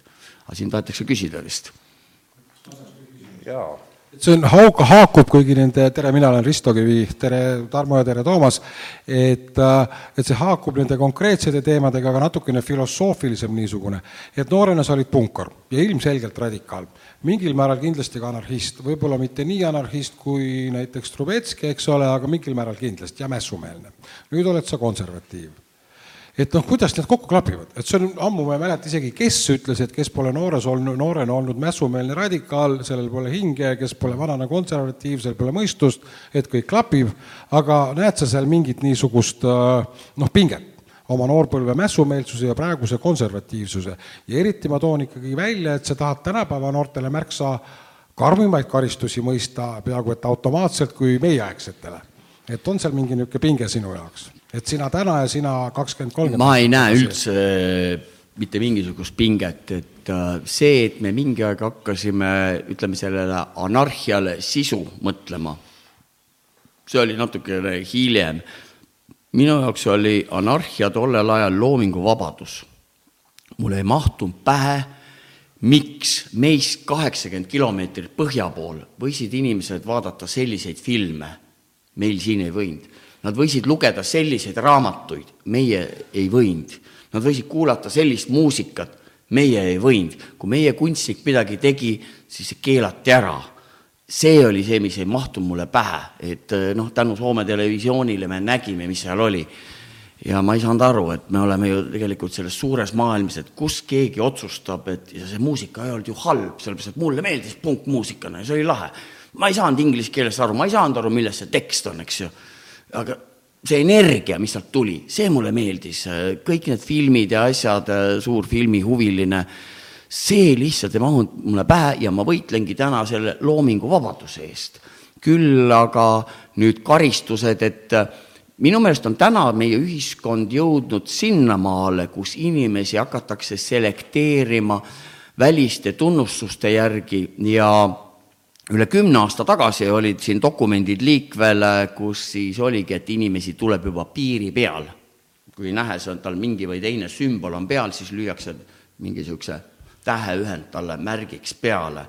nüüd äh, tuleb Siseministeeriumist üks dokument, mis hakkab võitlema radikaliseerumise vasta ja seal on siis ära toodud laias laastus niinimetatud white power märgid. ma küsisin, et kas seal on ka Seguara ja ütleme, spektrilipud ja kõik niisugused asjad ja sirp ja vasarad, siis öeldi, et ei ole, ma ütlesin, et aga kuidas sirp ja vasar ei ole, et kui ma olen kuulutanud natsismi ja kommunismi inimvaenulikeks ütleme siis diktatuurideks, et need, neil sümbolitel on noh, võrdusmärk vahel. ma saan aru, et Mart Helmest saab siseminister, et, et mingeid niisuguseid pabereid arvad, et ma ei tea, kas tast saab siseminister. ma ei tea, eile Aktuaalsest Kaamerast jooksis oot, oot, oot, kas ta äkki mingi muu, võib-olla oli, et oli küll, no ütleme Jüri Luik te-, noh, on kaitseminister edasi, jumal tänatud.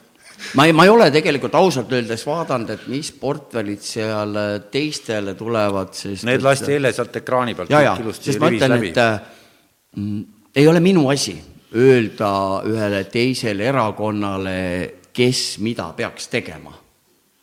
kas see inimene on pädev, sest see on selle erakonna otsus et ma ikka keskendun selle peale. oot, oot, oot, nüüd äh, sa ütled, et kui siseminister on mingist kindlast erakonnast, siis on siseministeeriumi otsused, on selle erakonna otsused või?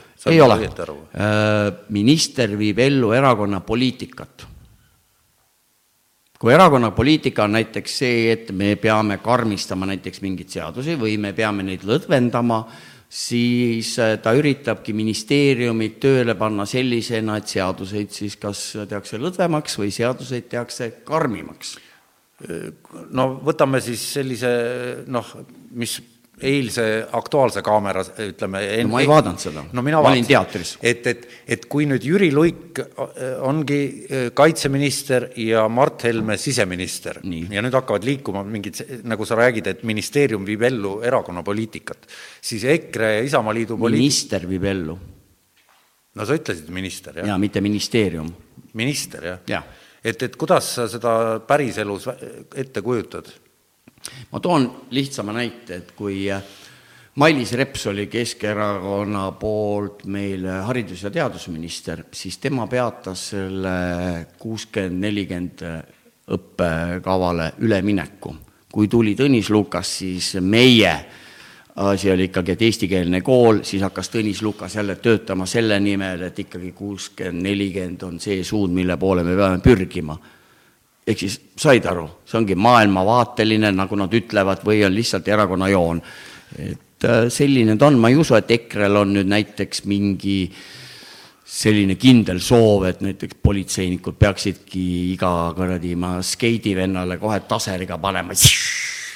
Või et kui keegi avalikus kohas õlut joob, et siis laseme õhkpüssiga talle pihku oota, millisest hetkest siis valitsuse või ministrite omavahelised otsused konsensuslikuks muutuvad, et no need on äh, kabinetiistungil ja kõik sõltub sellest, äh, kuidas äh, peaminister neid asju ajab, kas ta otsib konsensust või on see, et tehakse vaikselt ära. kui me oravatega olime, siis oli neil päris hea niisugune jaga-ja-valitse süsteem, et kõik tundsid rõõmu, ehk siis oravad ja sotsid, kui meile sai käru keerata, samas siis jälle meie tundsime rõõmu, kui me oravatega saime sotsidele käru keerata. aga üks hetk me saime aru, et tegelikult kogu aeg tillitatakse meid ja siis oligi, arvati oravad välja, tehti teistmoodi.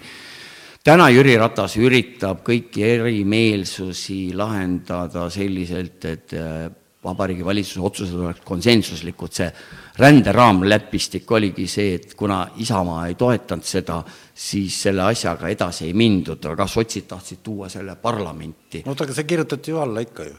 jaa, aga ma räägin, et see ei oleks kabinetist edasi läinud, sest kabinetis ei leitud sellele konsensus. konsensus, mis leiab, sellega minnakse edasi nii et äh, ma saan aru, et teil ikka suhteliselt valitses üksmeel selles, et see reformiga, noh, see oli, et kui Ratas läks äh, Kallasega kokku saama, siis oli juba tegelikult, oli ette teil omavahel teada, et, et, et seda äh, Refi ja, ja Keskiliitu ei tule.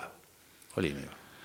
Vot seda nüüd ei tea, et vot ei ole seal olnud, ei ole seal käinud. ma olen ka nagu meedia vahendusel saanud aru, et Jürile väga ei meeldinud, et Kaja kutsus teda enda juurde ütles, et mis on nende tingimused ja siis, kui Jüri hakkas ära minema, siis ukse taga oli ajakirjanike parve, kes ütles, noh, kus, mis tegite.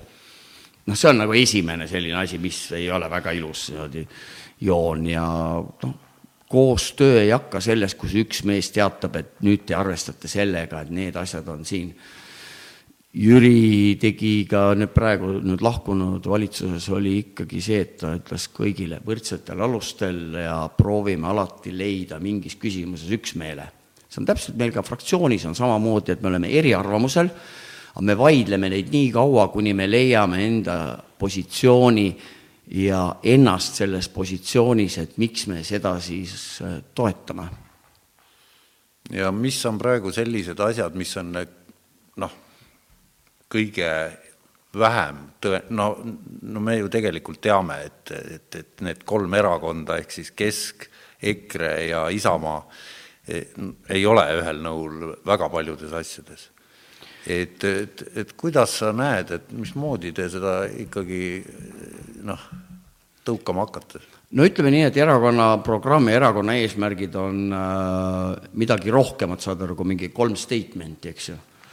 et äh, need asjad, mis koalitsioonileppesse ei, ei ole kirjutatud, nendega siis praegusel hetkel ei tegeleta, sest et väga palju asju on, millega on vaja tegeleda pidevalt. ja nendega siis me lähemegi edasi. noh, ütleme, et meil oli äh, ma olin ka koalitsiooniläbirääkimistel ja me arutlesime seal, ütleme, üks lihtsam asi oli spordirajatised maakonnakeskustesse, et millised nad oleksid ja kas see peab olema ainult ühe spordiala keskne.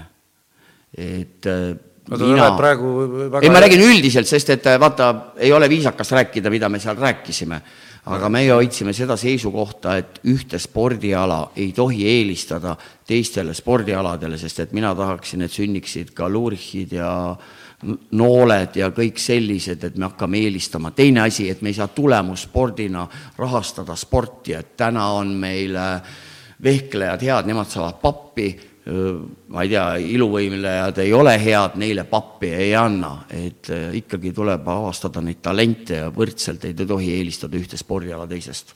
see oli meie seisukoht.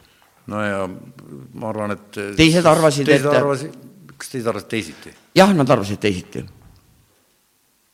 nojah. väga lihtne. jah, aga probleem iseenesest ei ole eriti akuutne no ja nii, kui sellel on ikkagi päris suur rahaline mõõde ja kui eelistatakse ühte spordiala teisele, siis see on tegelikult probleem. samamoodi näiteks ütleme ka noh, ütleme teatrite rahastamine, eks on ju. mis sa arvad teatrite rahastamisest riigikassast?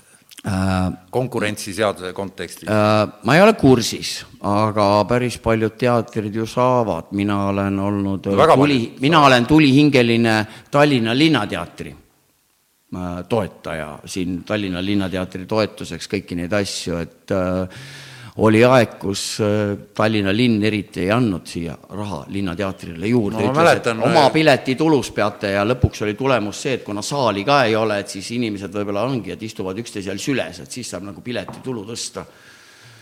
et võiks ikkagi selle uue hoone, teater on, noh, nii nagu sullegi äh, südamelähedane ja ma arvan, et kui ma ennast kurssi viin, siis ma võin sulle midagi head öelda, küll aga see, et äh, mis nüüd niimoodi noh, kõiki elevusse on löönud, et me näeme ainult seda, mida meile tahetakse näidata, ma ei ole neid dokustaate näinud, ma ei ole näinud neid kriteeriumi, mille puhul. Jah, ma tean, et mingi tantsustuudio kullati üle, et äh, laias laastus võib öelda, et see on juba nagu see kuus etendust, mis see on, et see on juba päris korralik private sületants, noh, mis toimub selle raha eest nojah, et praegu on, nojah, see on teine teema veidi, veidikene, siin vist oli mingi küsimus.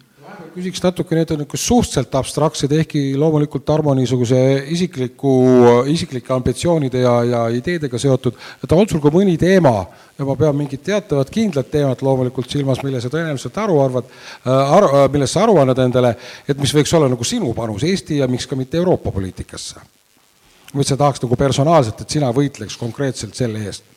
See riistapuu on sul käes? jaa, ei no see on ka üks riistapuu, millega ma ka räägin ja tegelen, et äh, ma päris tõsiselt räägin, et meie Euroopa Liidu üks väärtustest on äh, inimeste ja kaupade vaba liikumine. siis ma toon alati selle näite, et kui rootslane läheb Itaaliasse tööle mitmeks aastaks ja Rootsis on snüüs lubatud, siis rootslane ei saa endale oota, täpsustame vaatajatele, kuule, snüüs on see on see mokatubakas või huuletubakas või noh, see on mingil põhjusel jaa. ei, Rootsil on eripära, nemad võivad seda kasutada ja tänu sellele on Rootsis ainult viis protsenti inimesi, kes suitsetab, tänu sellele on tubakasurmasid äh, kordades vähem. kui see rootslane läheb nüüd Itaaliasse tööle paariks aastaks, siis tal puudub see võimalus, et tellida endale posti teel Rootsist seda ehk siis kaupade vaba liikumine peaks olema, inimeste vaba liikumine peaks no, olema. Californias on kanep legaalne, siin ei ole, et noh, sama teema? Äh, ma arvan, et see võrdlus oleks sel juhul, et kui California kodanik läheks mõnda teise osariiki, kus ta on äh, no, keelatud, aga kui see on tal, ütleme, meditsiinilistel eesmärkidel välja kirjutatud ei no snüüs kuidas... ei ole meditsiinilistel eesmärkidel välja kirjutatud asi. tead, aga ma arvan, et kuna ta on täna üheksakümmend viis protsenti ohutum kui tavaline sigaret ehk siis seal ei toimu seda põlemisprotsessi, millega tekivad siis need kantserogeenid no, ja kõik need. keelevähk tekkima ja siuksed asjad. Äh, nad räägivad, aga ei teki seda keelevähki, et äh, see on äh, selline võltsteadus või ütleme siis lobitöö, mis toimub sigaretifirmadelt, sest et me teame et, et kolmkümmend protsenti nad kaotasid enda läbimüügist siis, kui tulid alternatiivsed tubakatooted aga see kaupade ja inimeste vaba liikumine on hästi kummaline tõesti, et äh, mõnedes Euroopa riikides on mõned asjad traditsiooniliselt lubatud ja siis, kui see inimene kuskile mujale läheb, siis ta sealt ei ole, et äh, meil võiks olla ikkagi ühtne käsitlus Euroopas ja euroopaline noh, väärtusruum on see, et meil ei ole nii, et mõnes kohas on intsest lubatud, eks ole, siis ta peaks seda siin saama. kas sa, praegu ma sain õieti aru, et sa oled natuke nagu föderalist, et Euroop-, meil Euroopas, et, et, et sa oled äh, sellise Euroopa Liidu äh, nii-öelda siis konkreetselt pooldaja? ma olen äh, rahvusriikide liidu pooldaja. aga mitte Euroopa Ühendriikide? ei, ma lihtsalt räägin, et noh, alguses me ei saanud aru ja ütleme, niisuguse patrioodina mul muidugi kahju, et me kaotasime oma ühe sümbolitest, Eesti krooni. küll aga täna kõik ütlevad, et päris hea on, et sa ei pea enam arvutama, et läbi Saksa marga on ju, mis siis see kohalik mingi pudin seal oli ja mis see hind on ja selline ja teine, et see hind on kõikjal kuidagi üks, meil on lihtsam arutleda. britid vist nii ei arva? nojah, rootslased ka nii ei arva, aga noh, las nad jäävad, eks ju.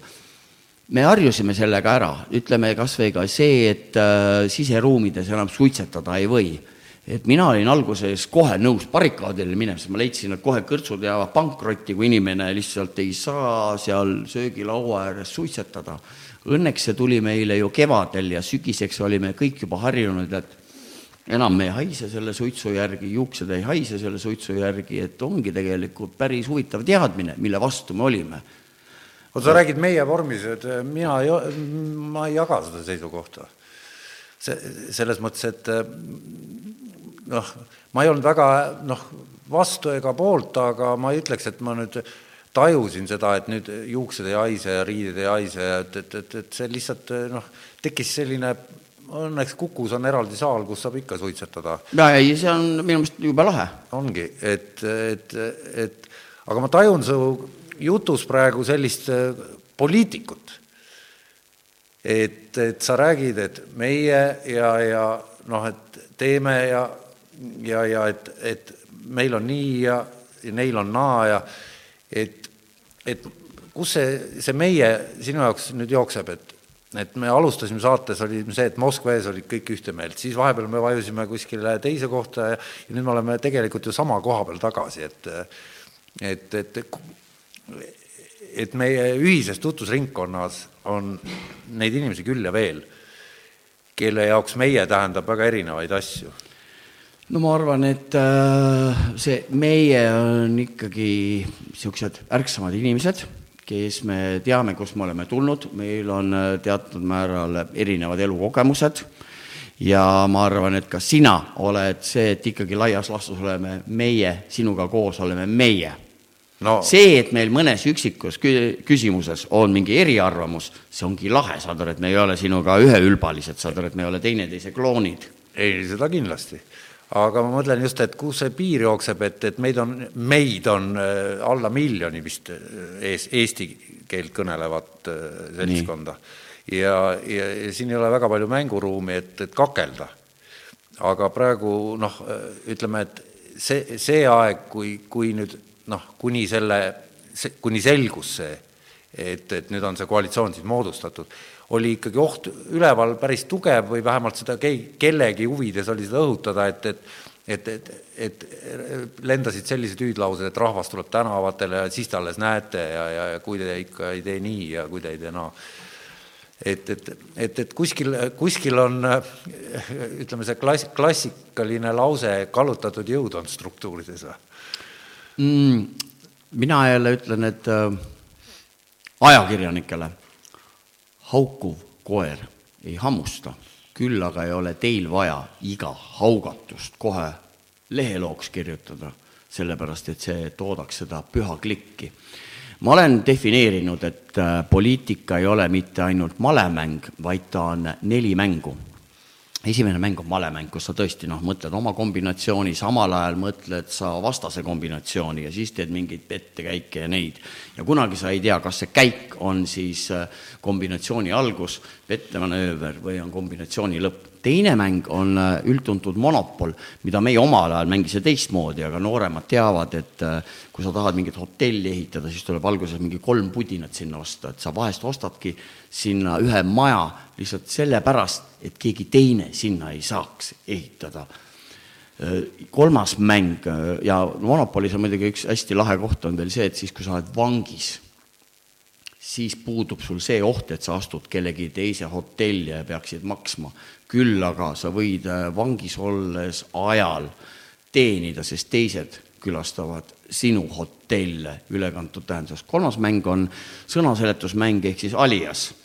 seal, kus siis ütleme, mina pean andma enda sõnumi edasi sinnapoole ja sina ei tohi aru saada, sest et aliases on mingi hetk on need nurgad, kus siis teised arvavad ära ehk siis kõik selle teksti üldistus, aste, umbmäärasus, kõik see on, et minu sõnum jõuaks kohale minu valijatele, aga teistele kuidagi muud moodi. ja neljas mäng on siis see sudoku, ehk siis see jura peab sul, saad aru, seal selle ruudu sees olema, siis ta peab sul horisontaalis klappima ja kõiges ehk siis üks käik, mis toimub täna tegevus, rahvas tuleb barrikaadidele, mida tähendaks see käik äh, monopolis, mida ta on tegelikult aliasena ja kuidas ta sobib sellesse pilti sudokusse, sest sudokus on tegelikult kõik juba vaikselt paika pandud, klapitatud. nii et kunagi ära võta tõsiselt seda, kuidas keegi räägib, nüüd tuleme kõik barrikaadidele. see on võib-olla oma valijatele öeldud, et me ei kaota oma nägu, me oleme äärmiselt tõsised mehed, me oleme nii tõsised, ma olen nii tõsine mees, et endalgi siiber ees. see oli nüüd küll, kas sa oled sellesama jutu rääkinud, kellele sa eelmine kord seda rääkisid? ma olen seda rääkinud vist oma näit-, näiteks kaheksa-üheksa aastat inimestele, et eh, noh, vaadake neid asju kuidagi kõrgemalt, kuidagi kaugemalt, et ärge võtke üks-ühele kõike seda. aga kuidas sa siis, kui vaada-, räägime nüüd suurest pildist, ma saan aru, et, et, et suur pilt on selline holistlik suur maa, maailmapilt, kus me oleme kõik seitse miljardit, oleme ühe palli peal Nii. või, või plaadi peal, oleneb, kuidas keegi seda näeb okay.. ja, ja et, et, et seda nimetatakse globalismiks või globaliseeruvaks maailmaks, et, et, et, et kuidas teie erakond vist väga, väga selle noh, nii-öelda kaasa ei kiida sellele? jah, me oleme konservatiivid ja konservatiivi üks tunnuseid ongi alalhoidlik. et äh, me soovime, et siinsama neljakümne viie tuhande ruutkilomeetri peal kõlaks eesti keel ja eesti meel, et eestlastel ei ole maailmas mitte mingit muud kohta, kus eesti keel ja kultuur saaks areneda, et kõik meie muud sammud, mis meil on mõeldud, on esmalt see, kuidas me saaksime siin enda oma maa peal rahulikult no. edasi olla, et me ei tunneks ennast ohustatuna. no see on põhiseaduse preambulasse sisse löödud. no ta võib olla, aga saad aru, samas meil on jälle ka inimesi, kes ütlevad, et ja mis siis, et eesti keel juba unustatakse ära, sest me räägime kõik juba umbes inglise keelt. kunagi oli see mingi tehiskeel, oli ka ICO või ILO või mis ta oli, ma ei mäleta. ma ei tea. no oli esperanto keel oli täpselt ja. samamoodi mingi, kes kõik ütlesid, et läheb, ei lähe, saad aru, kultuurid jäävad me peame õppima teiste riikide vigadest. no aga vaata, meie noored, ütleme, ma ei tea, minu lapsed, ma arvan, et ka sinu omad ja. tõmbavad mööda ilma ringi, ütleme praktiliselt iga nädalavahetus, noh, kui veidi Nii. liialdada. et, et, et see ei ole ju halb. jube fun ju. see on hästi kõik. aga minu laps ei lähe näiteks eh, kuskile Prantsusmaale selgeks tegema, kuidas prantslased peaksid elama et meil Eestis on nii, nüüd teeme siia praegu murule lõkke ja kõik me hüppame üle, sest meil on jaanipäev. ei no aga seda, see ei olegi võimalik, sest et meil ei ole, meil on nii pisike riik, et ei meil..., pigem on, saad aru, meil äh, sinuga selline, me oleme loonud lastele kinderstuube, et sa ei lähe külla teistele enda kombeid õpetama. et külas, külas külareeglid. seda, et väga paljud tulevad meile siia õpetama, kuidas meie peaksime elama. näiteks näiteks no et Euroopas, maailmas on ammugi juba see või teine või kolmas asi on äh, teise käsitluse leidnud no.. ma ei taha minna spetsiifiliseks, lihtsalt äh, väga palju sa oled äh, täheldanud, et erinevatest teistest kultuuridest on mõned asjad neil seal kombeks, veritasu okay. siis meil Võt, seda ei ole, oma kohus. võtame mingi lihtsama asja, et, et kas sinu arust peavad meie kutid sõdima Af Afganistanis?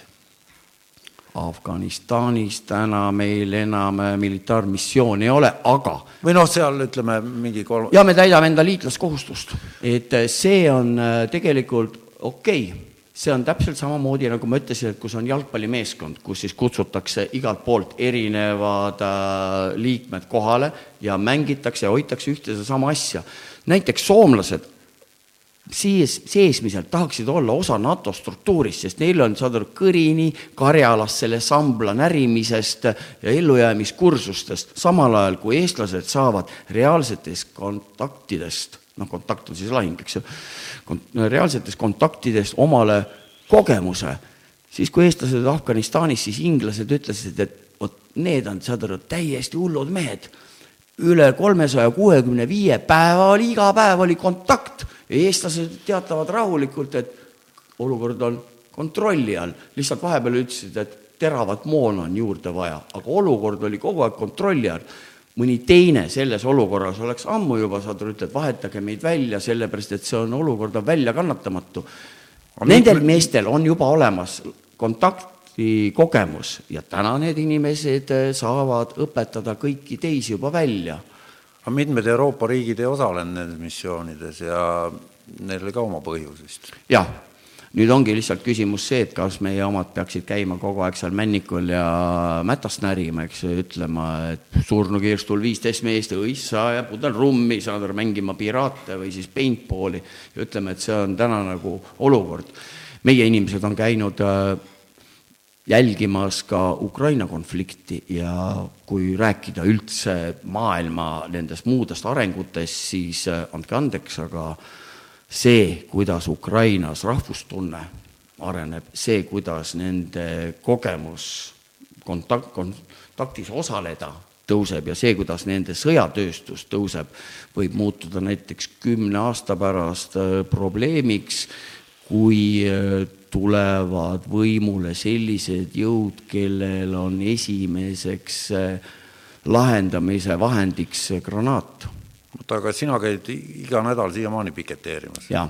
räägi, miks ja mis sa teed? Mm, täna Ukraina tegelikult sõdib ka meie vabaduse eest.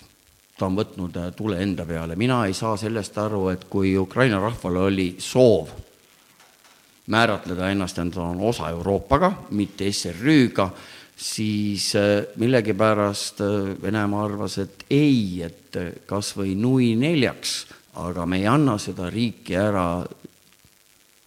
ja nii see konflikt on. jah, ütleme, ambitsioonid olid äh, Venemaal võib-olla suuremad, et äh, Novorossija üheksa oblastit, saad aru, kiirelt ära võetud, tegelikult on kahest oblastist pool võetud, on aja, okei okay,, Krimm on annekteeritud, aga ma ei ole nagu rahul sellega, et äh, ülejäänud Euroopa vaatabki, tol hetkel vaataski pealt, et ahah, et see on läinud. ei, ma, ma olin täpselt samamoodi, põlesin, kui oli ka Gruusiaga, saad aru, konflikt. Täpselt samamoodi, ehk siis ma leian, et igal rahval on enesemääramisõigus, kellega ühes paadis tahab ta olla ja kellega mitte. aga see, et kui äh, vägivaldselt sellesse sekkutakse ja teised vaatavad lihtsalt rahulikult pealt või nad müüvad neid lihtsalt mingi gaasi pärast maha, see ei ole see.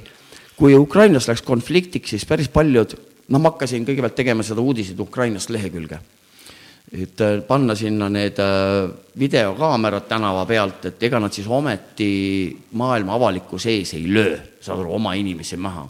Noh, ma arvasin, et näiteks kui tuhande üheksasaja kaheksakümne esimesel aastal oleks olnud samamoodi kaamerate võrgustik, siis Taevase ja Rahu väljakul ei oleks tuhat kaheksasada üliõpilast tankidega surnuks sõidetud.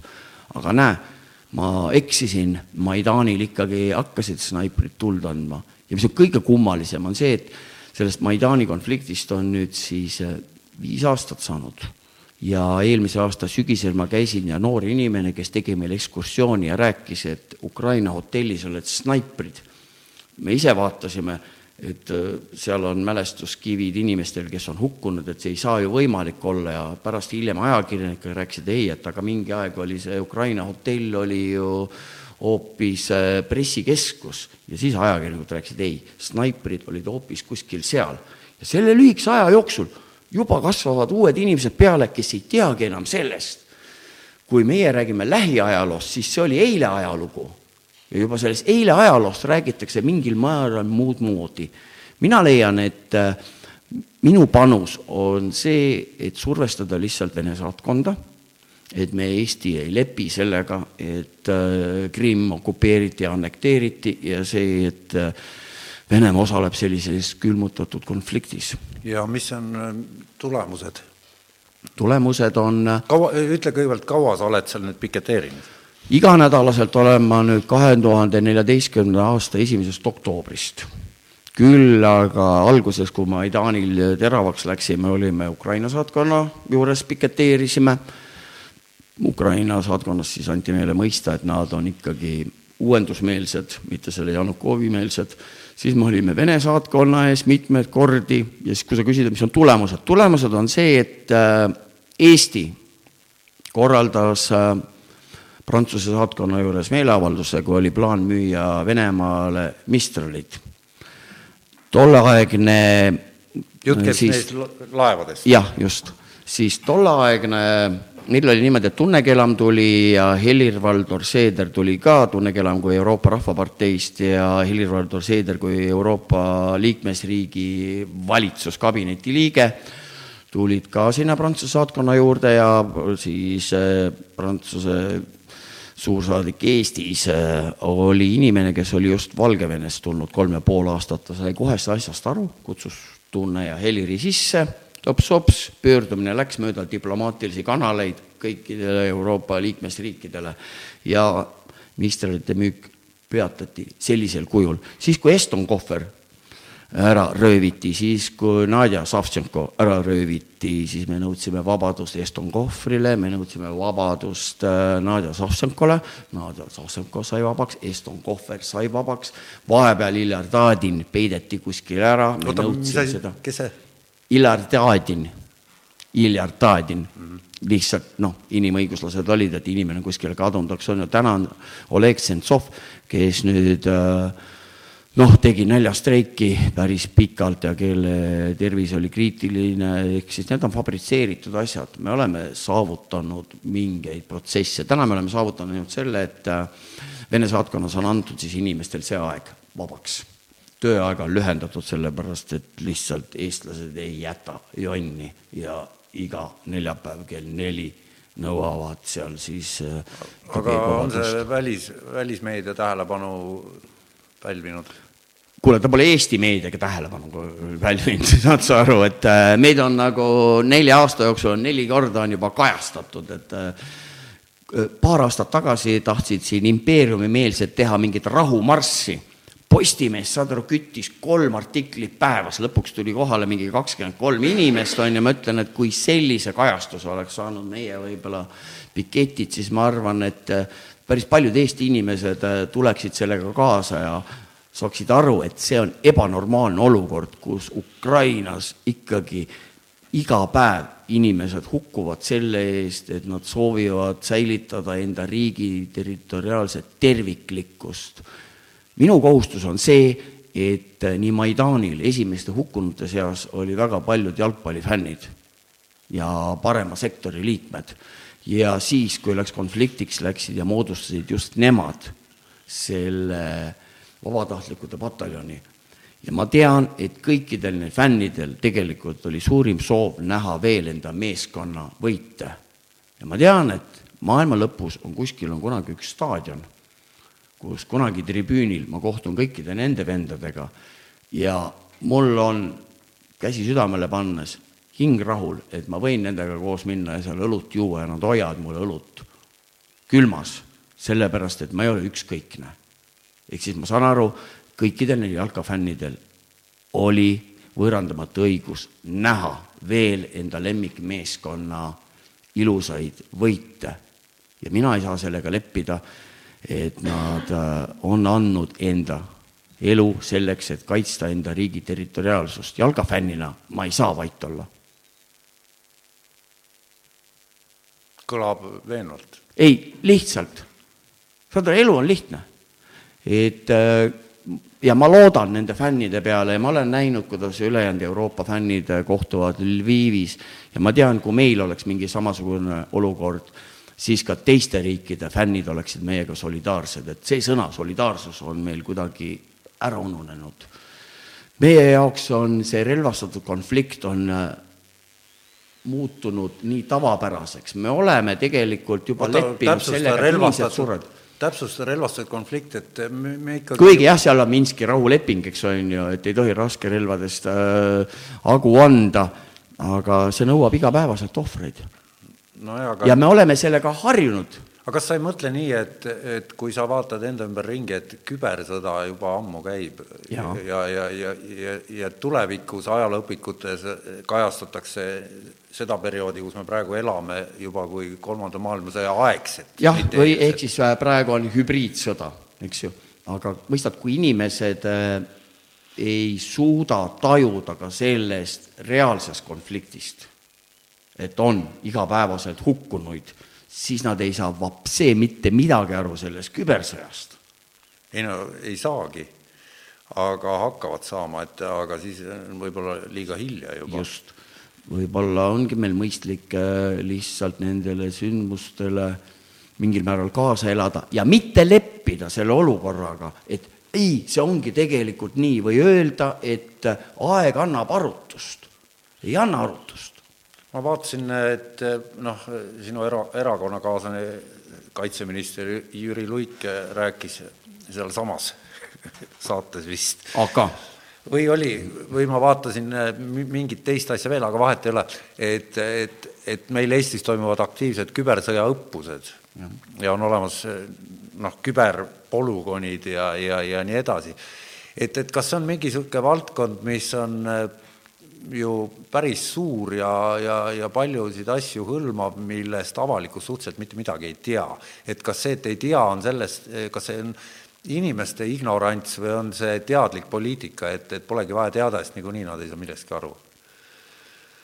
ma arvan, et pigem ignorants, et äh, inimene saab asjast teada siis, kui ta tunneb selle vastu huvi. Et äh, mina kutsun näiteks äh, väga paljusid naisterahvaid kõiki, tulge Küberkaitseliitu. see ei ole see, kus sa pead olema igapäevaselt mingeid sidemeid või süüa tegema või kõik see sa saad seal koolituse lihtsamalt, eks ju, et kui on vaja kirjutada mingeid programmijuppe, kui on vaja anda mingeid käsklusi internetis, siis see on täiesti selline, mida sa saad kodus rahulikult teha. Sa oled lihtsalt üks öö, osa sellest suurest võrgustikust, see on organiseerunud inimesed. et Kaitseliit on organiseerunud inimesed. Ükskõik, mis juhtub, need inimesed tulevad välja, täpselt nii nagu kõik muud MTÜ-d, külaliikumine, mis on nagu suuremad, eks ju, no okei okay,, korteriühistud tulevad siis, et kui on vaja lihtsalt hoovid korda, teeme selle hoovid korda, aga need hoovid korda ei tule võib-olla sellel hetkel, kui me näiteks Tallinnas harjutati, et Lasnamäel toimub keemiakatastroof.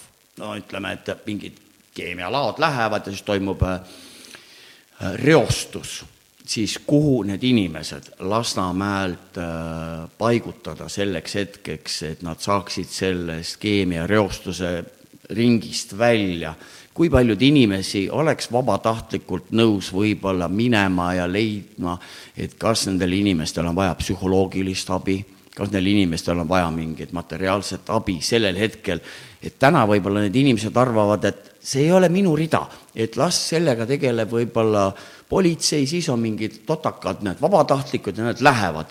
et inimene mingi hetk mõtleks, et enda mugavusmullist välja tulla, et kui see just teda ennast ei puuduta, aga anda ennast üles, et ma päriselt tahan ka midagi head teha. küberkaitseliit. jah et mul kohe selle jutuga, mis sa rääkisid, seostuvad need äh, mingid äh, posttraumaatilises stressis üheksateistaastased Ameerika droonipiloodid, kes kuskil Nevada kõrbes on kaheteistaastasest peale reaalseid äh, pomme kuskil ütleme, kolmandates riikides nii-öelda lendu lasknud, et, et, et kas meil on ka midagi sarnast käimas? noh, mina ütleksin selle kohta nii, et see on tegelikult lihtsalt tehnoloogia muutub mehitamata siis ütleme, liiklusvahendid nii õhus, maas kui vee all no., mida võib, eh, eks on ju siis joystickiga ja. juhtida. kas, kas meil on selline? see ei ole nüüd ütleme, kübersõda. ei no see on päris sõda. jah. Aga kübervahenditega? mille järgi me ütleme see, et ka ta on kaugjuhitav, kas sellepärast me ütleme, et ta on küber no ei, et ära käsitle seda küberit eh, nii kitsalt pigem ole hea mees, liitu Kaitseliiduga ja tunne, ja tunne selle vastu huvi. kas sa tead, millal ma astusin Kaitseliitu? ma arvan, et üheksakümne teisel, siis kui sa Prantsusmaalt tagasi ei, tulid. ei, kaks tuhat seitse, siis kui äh, toimusid need ah. Ma lapsevankriga sattusin Aljoša juurest mööda minema mm. ja siis oli, tekkis selline tunne, et õige, et on vaja, aga noh, aga, aga küberkaitseliit, see on midagi uut, et sellest ma polnud kuulnudki. Ei, ta on juba tükk aega olnud ja noh, mina leian, et täna on meil äh, kõik need sammud, mis me oleme siin Eestis teinud, on äh, tegelikult äh, päris õiged, et noored õpivad juba päris noorelt programmeerima, tahes-tahtmata muutub see juba lihtsalt vajalikuks oskuseks. no noored vedavad ju ikka väga palju aega, ütleme siis kübermaailmas nii või naa et, et idee on siis nagu pöörata see asi militaarseks ära või? ei, see on ka ettevõtlus, kõik muud asjad, et needsamad, mis sa rääkisid sinu arvates, eks ole, küber on see, et täna näiteks merenduses Eesti juba edendab asja, kus tekivadki kaupade vahetus selliselt, et on mehitamata transpordivahendid. ei no jaa, ei noh, see, see on nüüd natuke teine maailm jah, et, et nojah, aga see on nüüd see, mida ma räägin, et mida praegu valmistatakse ette, kuhu maale Eesti praegu seal liigub ja ta on siinkohal jälle eestvedaja. tähendab maailmas siis või? jah mm -hmm. nojah, et Eesti on üsna mitmes vallas on esirinnas, näiteks me oleme Prantsusmaa järel teisel kohal tööstusliku kanepi tootmises, siis me oleme tööstusliku? jah ja, ja, ja, ja siis on veel mingeid asju, et aga... me oleme, Eesti on tubakasurmades Euroopas kolmandal kohal, Läti on esimene, Ungari on teine. palju me viina joome täna? ma ei tea, vaata, see on see statistika, eks mis teie erakond mida... üldse sellel teemal teeb? mis meil tehakse või? jah, mida Isamaaliit omalt poolt nagu, kuidas alkoholipoliitika või? Ma arvan, et äh, kõik see aktsiisivärk ja no mis praegu on aktuaalne. okei okay., no aktsiisil on jah, üks eesmärk, mis mul lihtsalt noh, on, et kui on tervist kahjustav, on ju, et siis me peaksime need maksustama ja siis selle maksu pealt me saaksime siis ravida neid, meil täna ta nii ei ole. küll ma teadsin, et näiteks Soomes oli see, et äh, alkoholitootjad panid mingi klotsi, et siis, kui sa hommikul ärkasid Soomes kainestusmajas, siis äh, sulle pakuti kohvi ja saiakest. no meil ju ka Savisaar avas mingi tasuta kainestusmaja. nojah, aga ta võitleb sellega alkoholismi vastu, et ma arvan, et see ei ole nagu kõige parem, aga noh, ära võta seda tõsiselt, sest kahe tuhande viiendal aastal KOV valimistel Keskerakonna valimislubadus number kuus, teine lause oli see, igale naisele kaine mees ja siis ma mõtlesin, et kas mina ja Märt Sults, kes me tol ajal tinti ei pannud, eks ju, mõtlesime, et kus on meie Viagrad, on ju, et me oleme ju volinikud. et me ei jõua niimoodi, kus on meie spa, eks on ju, ja kõik taastuv asi, et Oota, aga... kui ta on niisuguse asja lubanud välja. Märt Sultsiga saad hästi läbi? jah et seal linnavolikogus istusite koos? jaa, me istusime linnavolikogus ja hiljem olime Riigikogus, olime majanduskomisjonis äh, kõrvuti koos ja mulle meeldib. ja tema see idee, hullumeelne idee või minu meelest täiesti normaalne idee, eks on ju, teha see niisama kasiinosaar või selline asi, et äh, see oleks tegelikult ammu juba teostatud kui päris paljud lihtsalt ei sõdiks sellele vastu. no aga kes sõdib ja miks?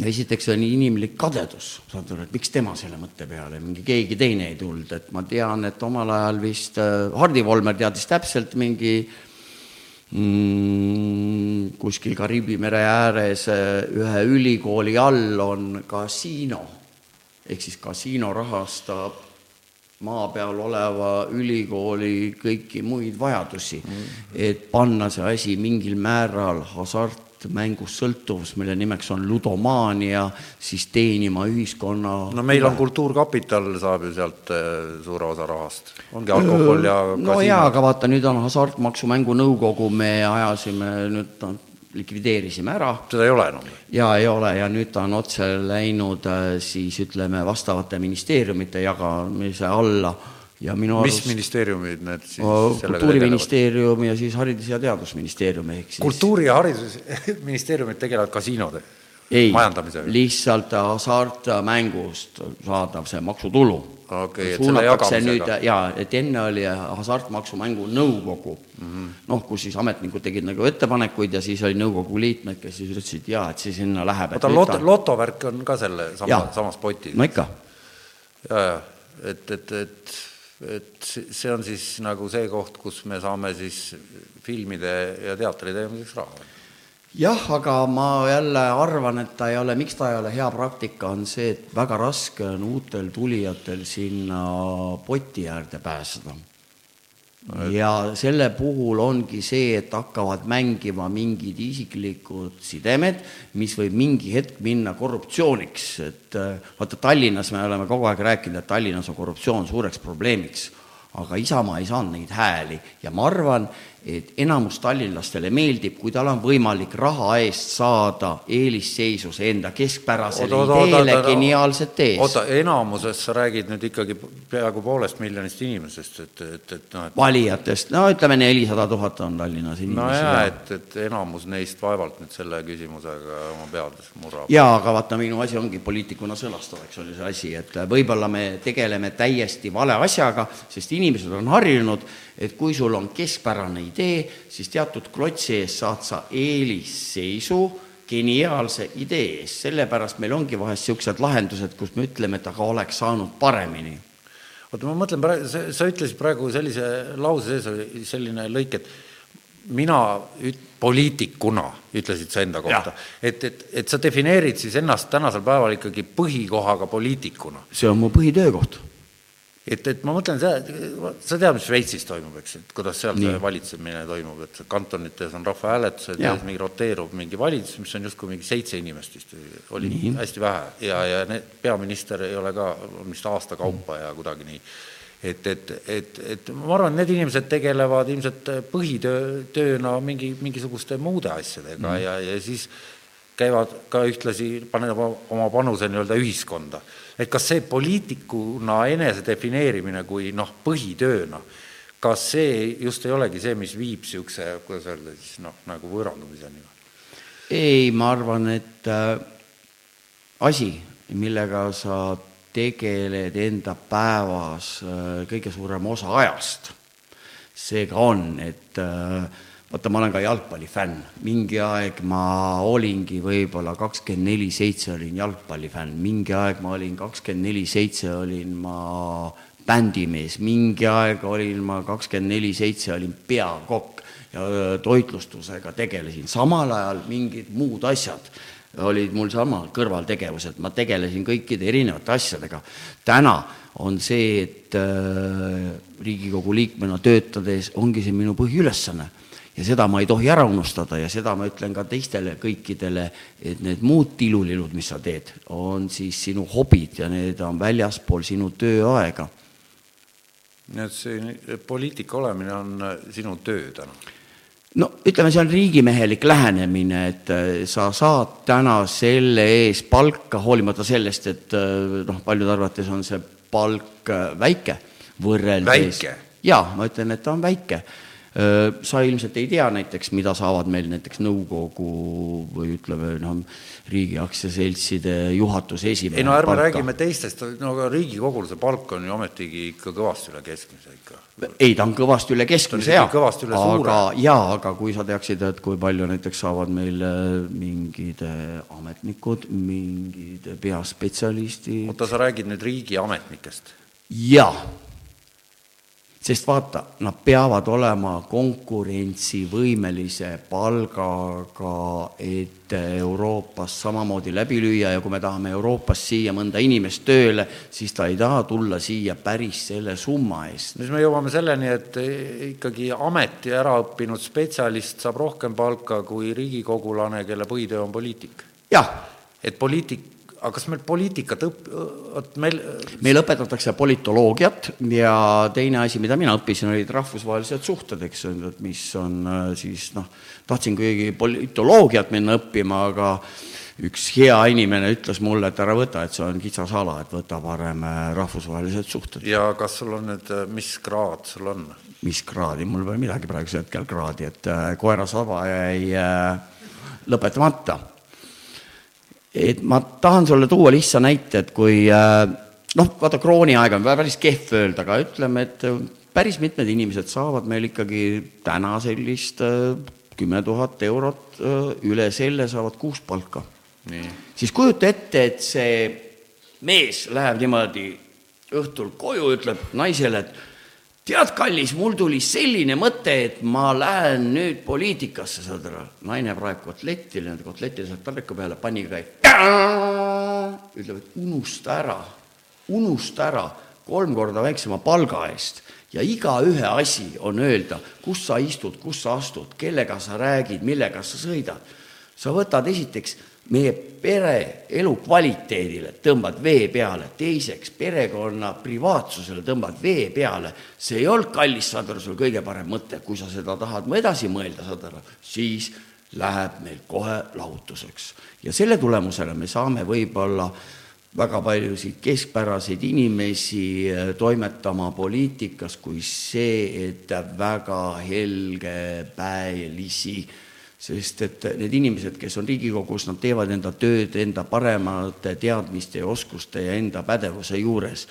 Nad ei ole keegi välja õppinud ja väga suure kogemustega inimesed, samamoodi nagu kohalikus omavalitsuses.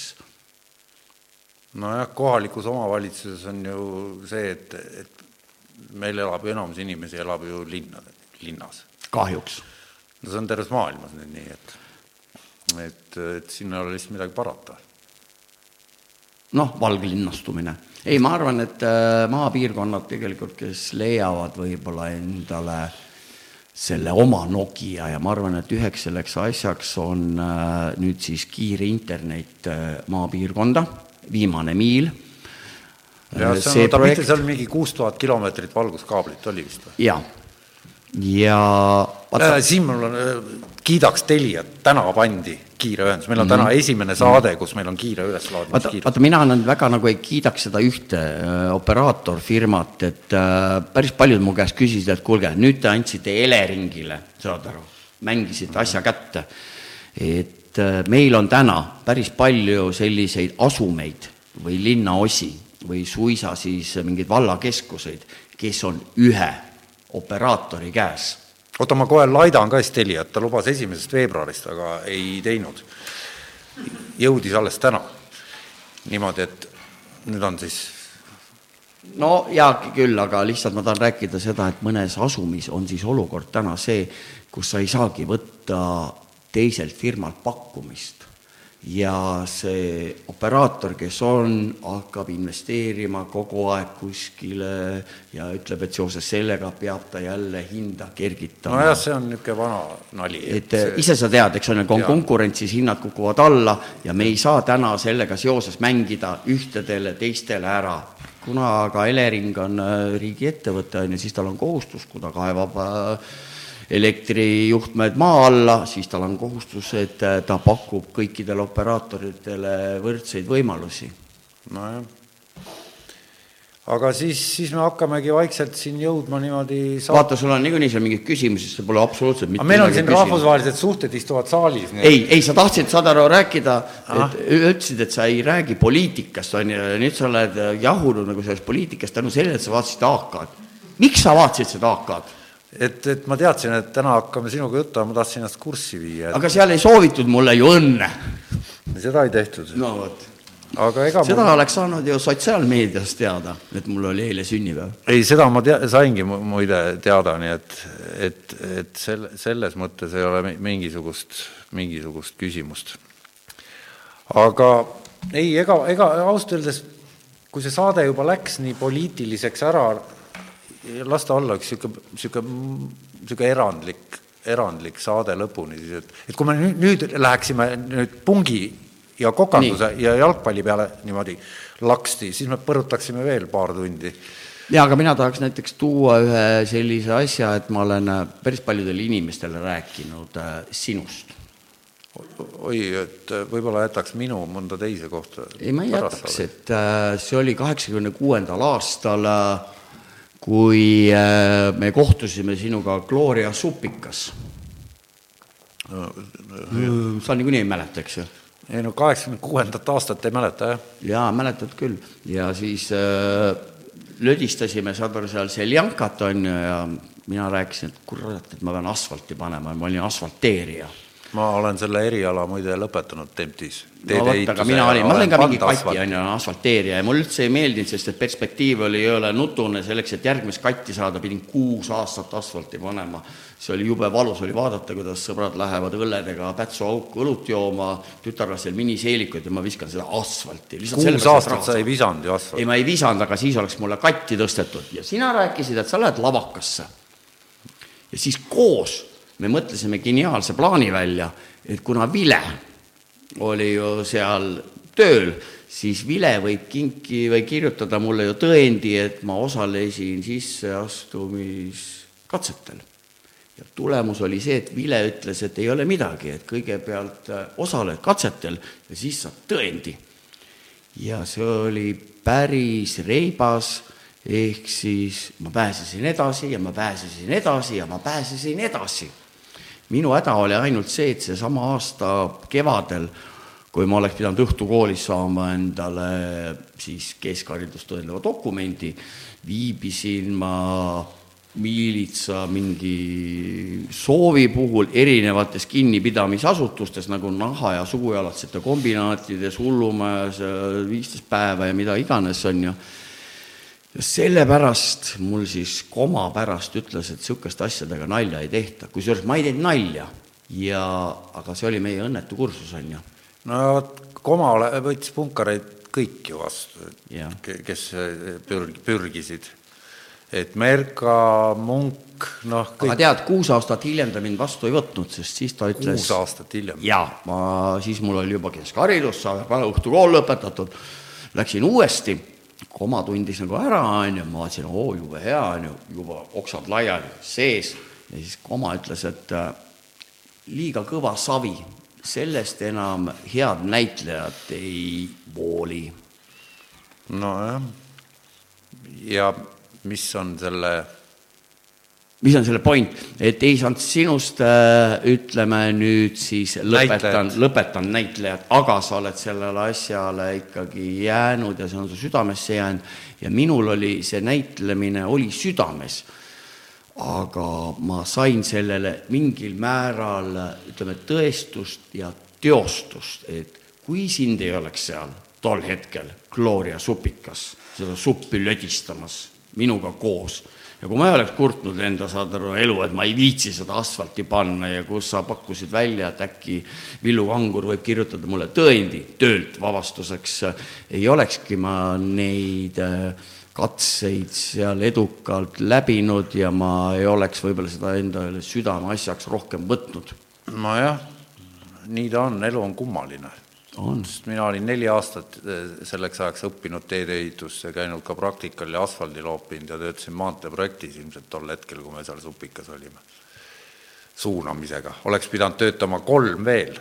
nii? aga direktor Tuubas lubas mind ära, kuna mul oli ka see paber, et ma astun lavakasse ja see oli piis-, noh, see oli tema jaoks ka argument, et see on nii teist laadi eriala, et mine siis, kui sisse saad, kui ei saa, tule tagasi no mul oli sama, et äh, sealt kogu aeg edasi, edasi, edasi, edasi ja ei, see oli päris lahe, ta viis mind igast huvitavat inimest. no igal juhul äh, läks meil mõlemal paremini kui Indrek Taalmaal, kelle teatris me praegu siin istume sisuliselt mm. ja kes äh, sattus nende samade sisseastumiseksamite Afganistani sõtta kaheks aastaks no ma teda eelnevalt siin tunnustasin, et äh, mul on alati meeldinud äh, need inimesed, kes on äärmiselt keerulistes elusituatsioonides olnud ja kes on äh, ikkagi veel liinil.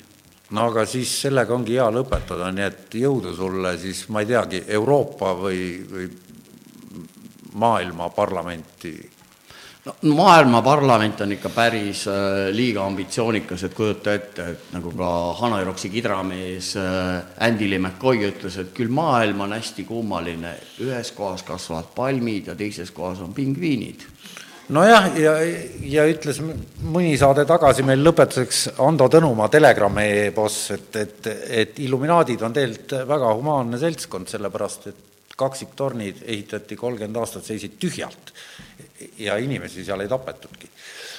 et eh, need olid äh, humaansusest tühjad tornid ehitatud, et need hiljem õhku lasta ilma inimesi tapmata ja Photoshopati laibad hiljem. okei okay. nii et nii palju siis Maailma Parlamendist. kuule, aga ma pean siis järgi vaatama, et äh, paljud inimesed ei teagi, et äh, kunagi Top raadios oli siis intrigeeriv pärastlõuna, mina tegin seal ka päris mitmeid saateid, Villu Tamme, Villu Tamme, Villu Tamme saade on mul meeles, see oli Villustik ja mul on meeles, et pärast seda me läksime Top raadiost äh, Be Free'sse. sina ei tulnud või? siia oli Kersnaga koos, siis öeldi, et see on Kersna likvideerimiskomando tuli kohale. aga seal ma tegin pildimängu raadios ja mul olid seal mingeid äh, muid asju veel, aga siis ma Top raadios tegin, ma tegin ainult lihtsalt mingeid saateid ja ma olin mingi augutäide ja siis ma vist tegin saateid. jah, aga päris kummaline aeg oli. oli, aga sellest on nüüd üle kahekümne viie aasta juba, nii et on nii palju või? jah. okei okay. et aga aitäh, et tulid ja, ja, ja räägime, ma arvan, veel, aga räägime siis, kui sa oled kas Europarlamendis või ühesõnaga, kui needsamad asjad, millest täna juttu oli, meil on vastuseid. kas sa ei saanud vastust? ei no sina ka ei tea ju veel, mis edasi saab. mis edasi saab? Vaata, ma olen päris paljudele tuttavatele, kes on ütelnud, et miks peaminister ajab niisugust ümmargust mulli.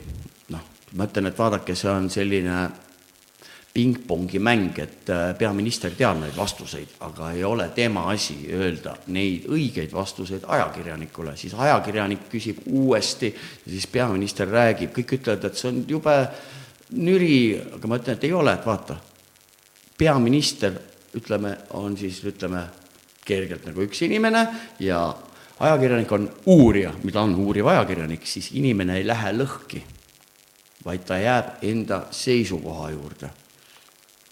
sina küsid, kas ma viskasin selle akna puruks, ma ütlen, et ma ei ole mingit akent puruks visanud. sina küsid, kas aken oli juba siis katki, kui sa läksid sinna akna juurde, ma ütlesin, ma ei ole mingit akent puruks viskanud. aga kas sa tead, kes selle akna võis puruks visata? Ma ei ole mitte mingit akent sisse visanud, et ma ei saa aru, kas te ei kuula mind. ma räägin eesti keeles, ma ei ole mitte mingit akent sisse visanud. et sa, sa oledki juba poliitik ikka. ma Ei, enne, ma ei läinud- enne saadet ma ei olnud kindel. ma ei läinud nüüd, ma ma olen. ei läinud ka miilitsas ja nüüd lõhki. lõpeb saade okei, kakskümmend viiskümmend üheksa, jah. üks minut enne kahte tundi. The wind is flying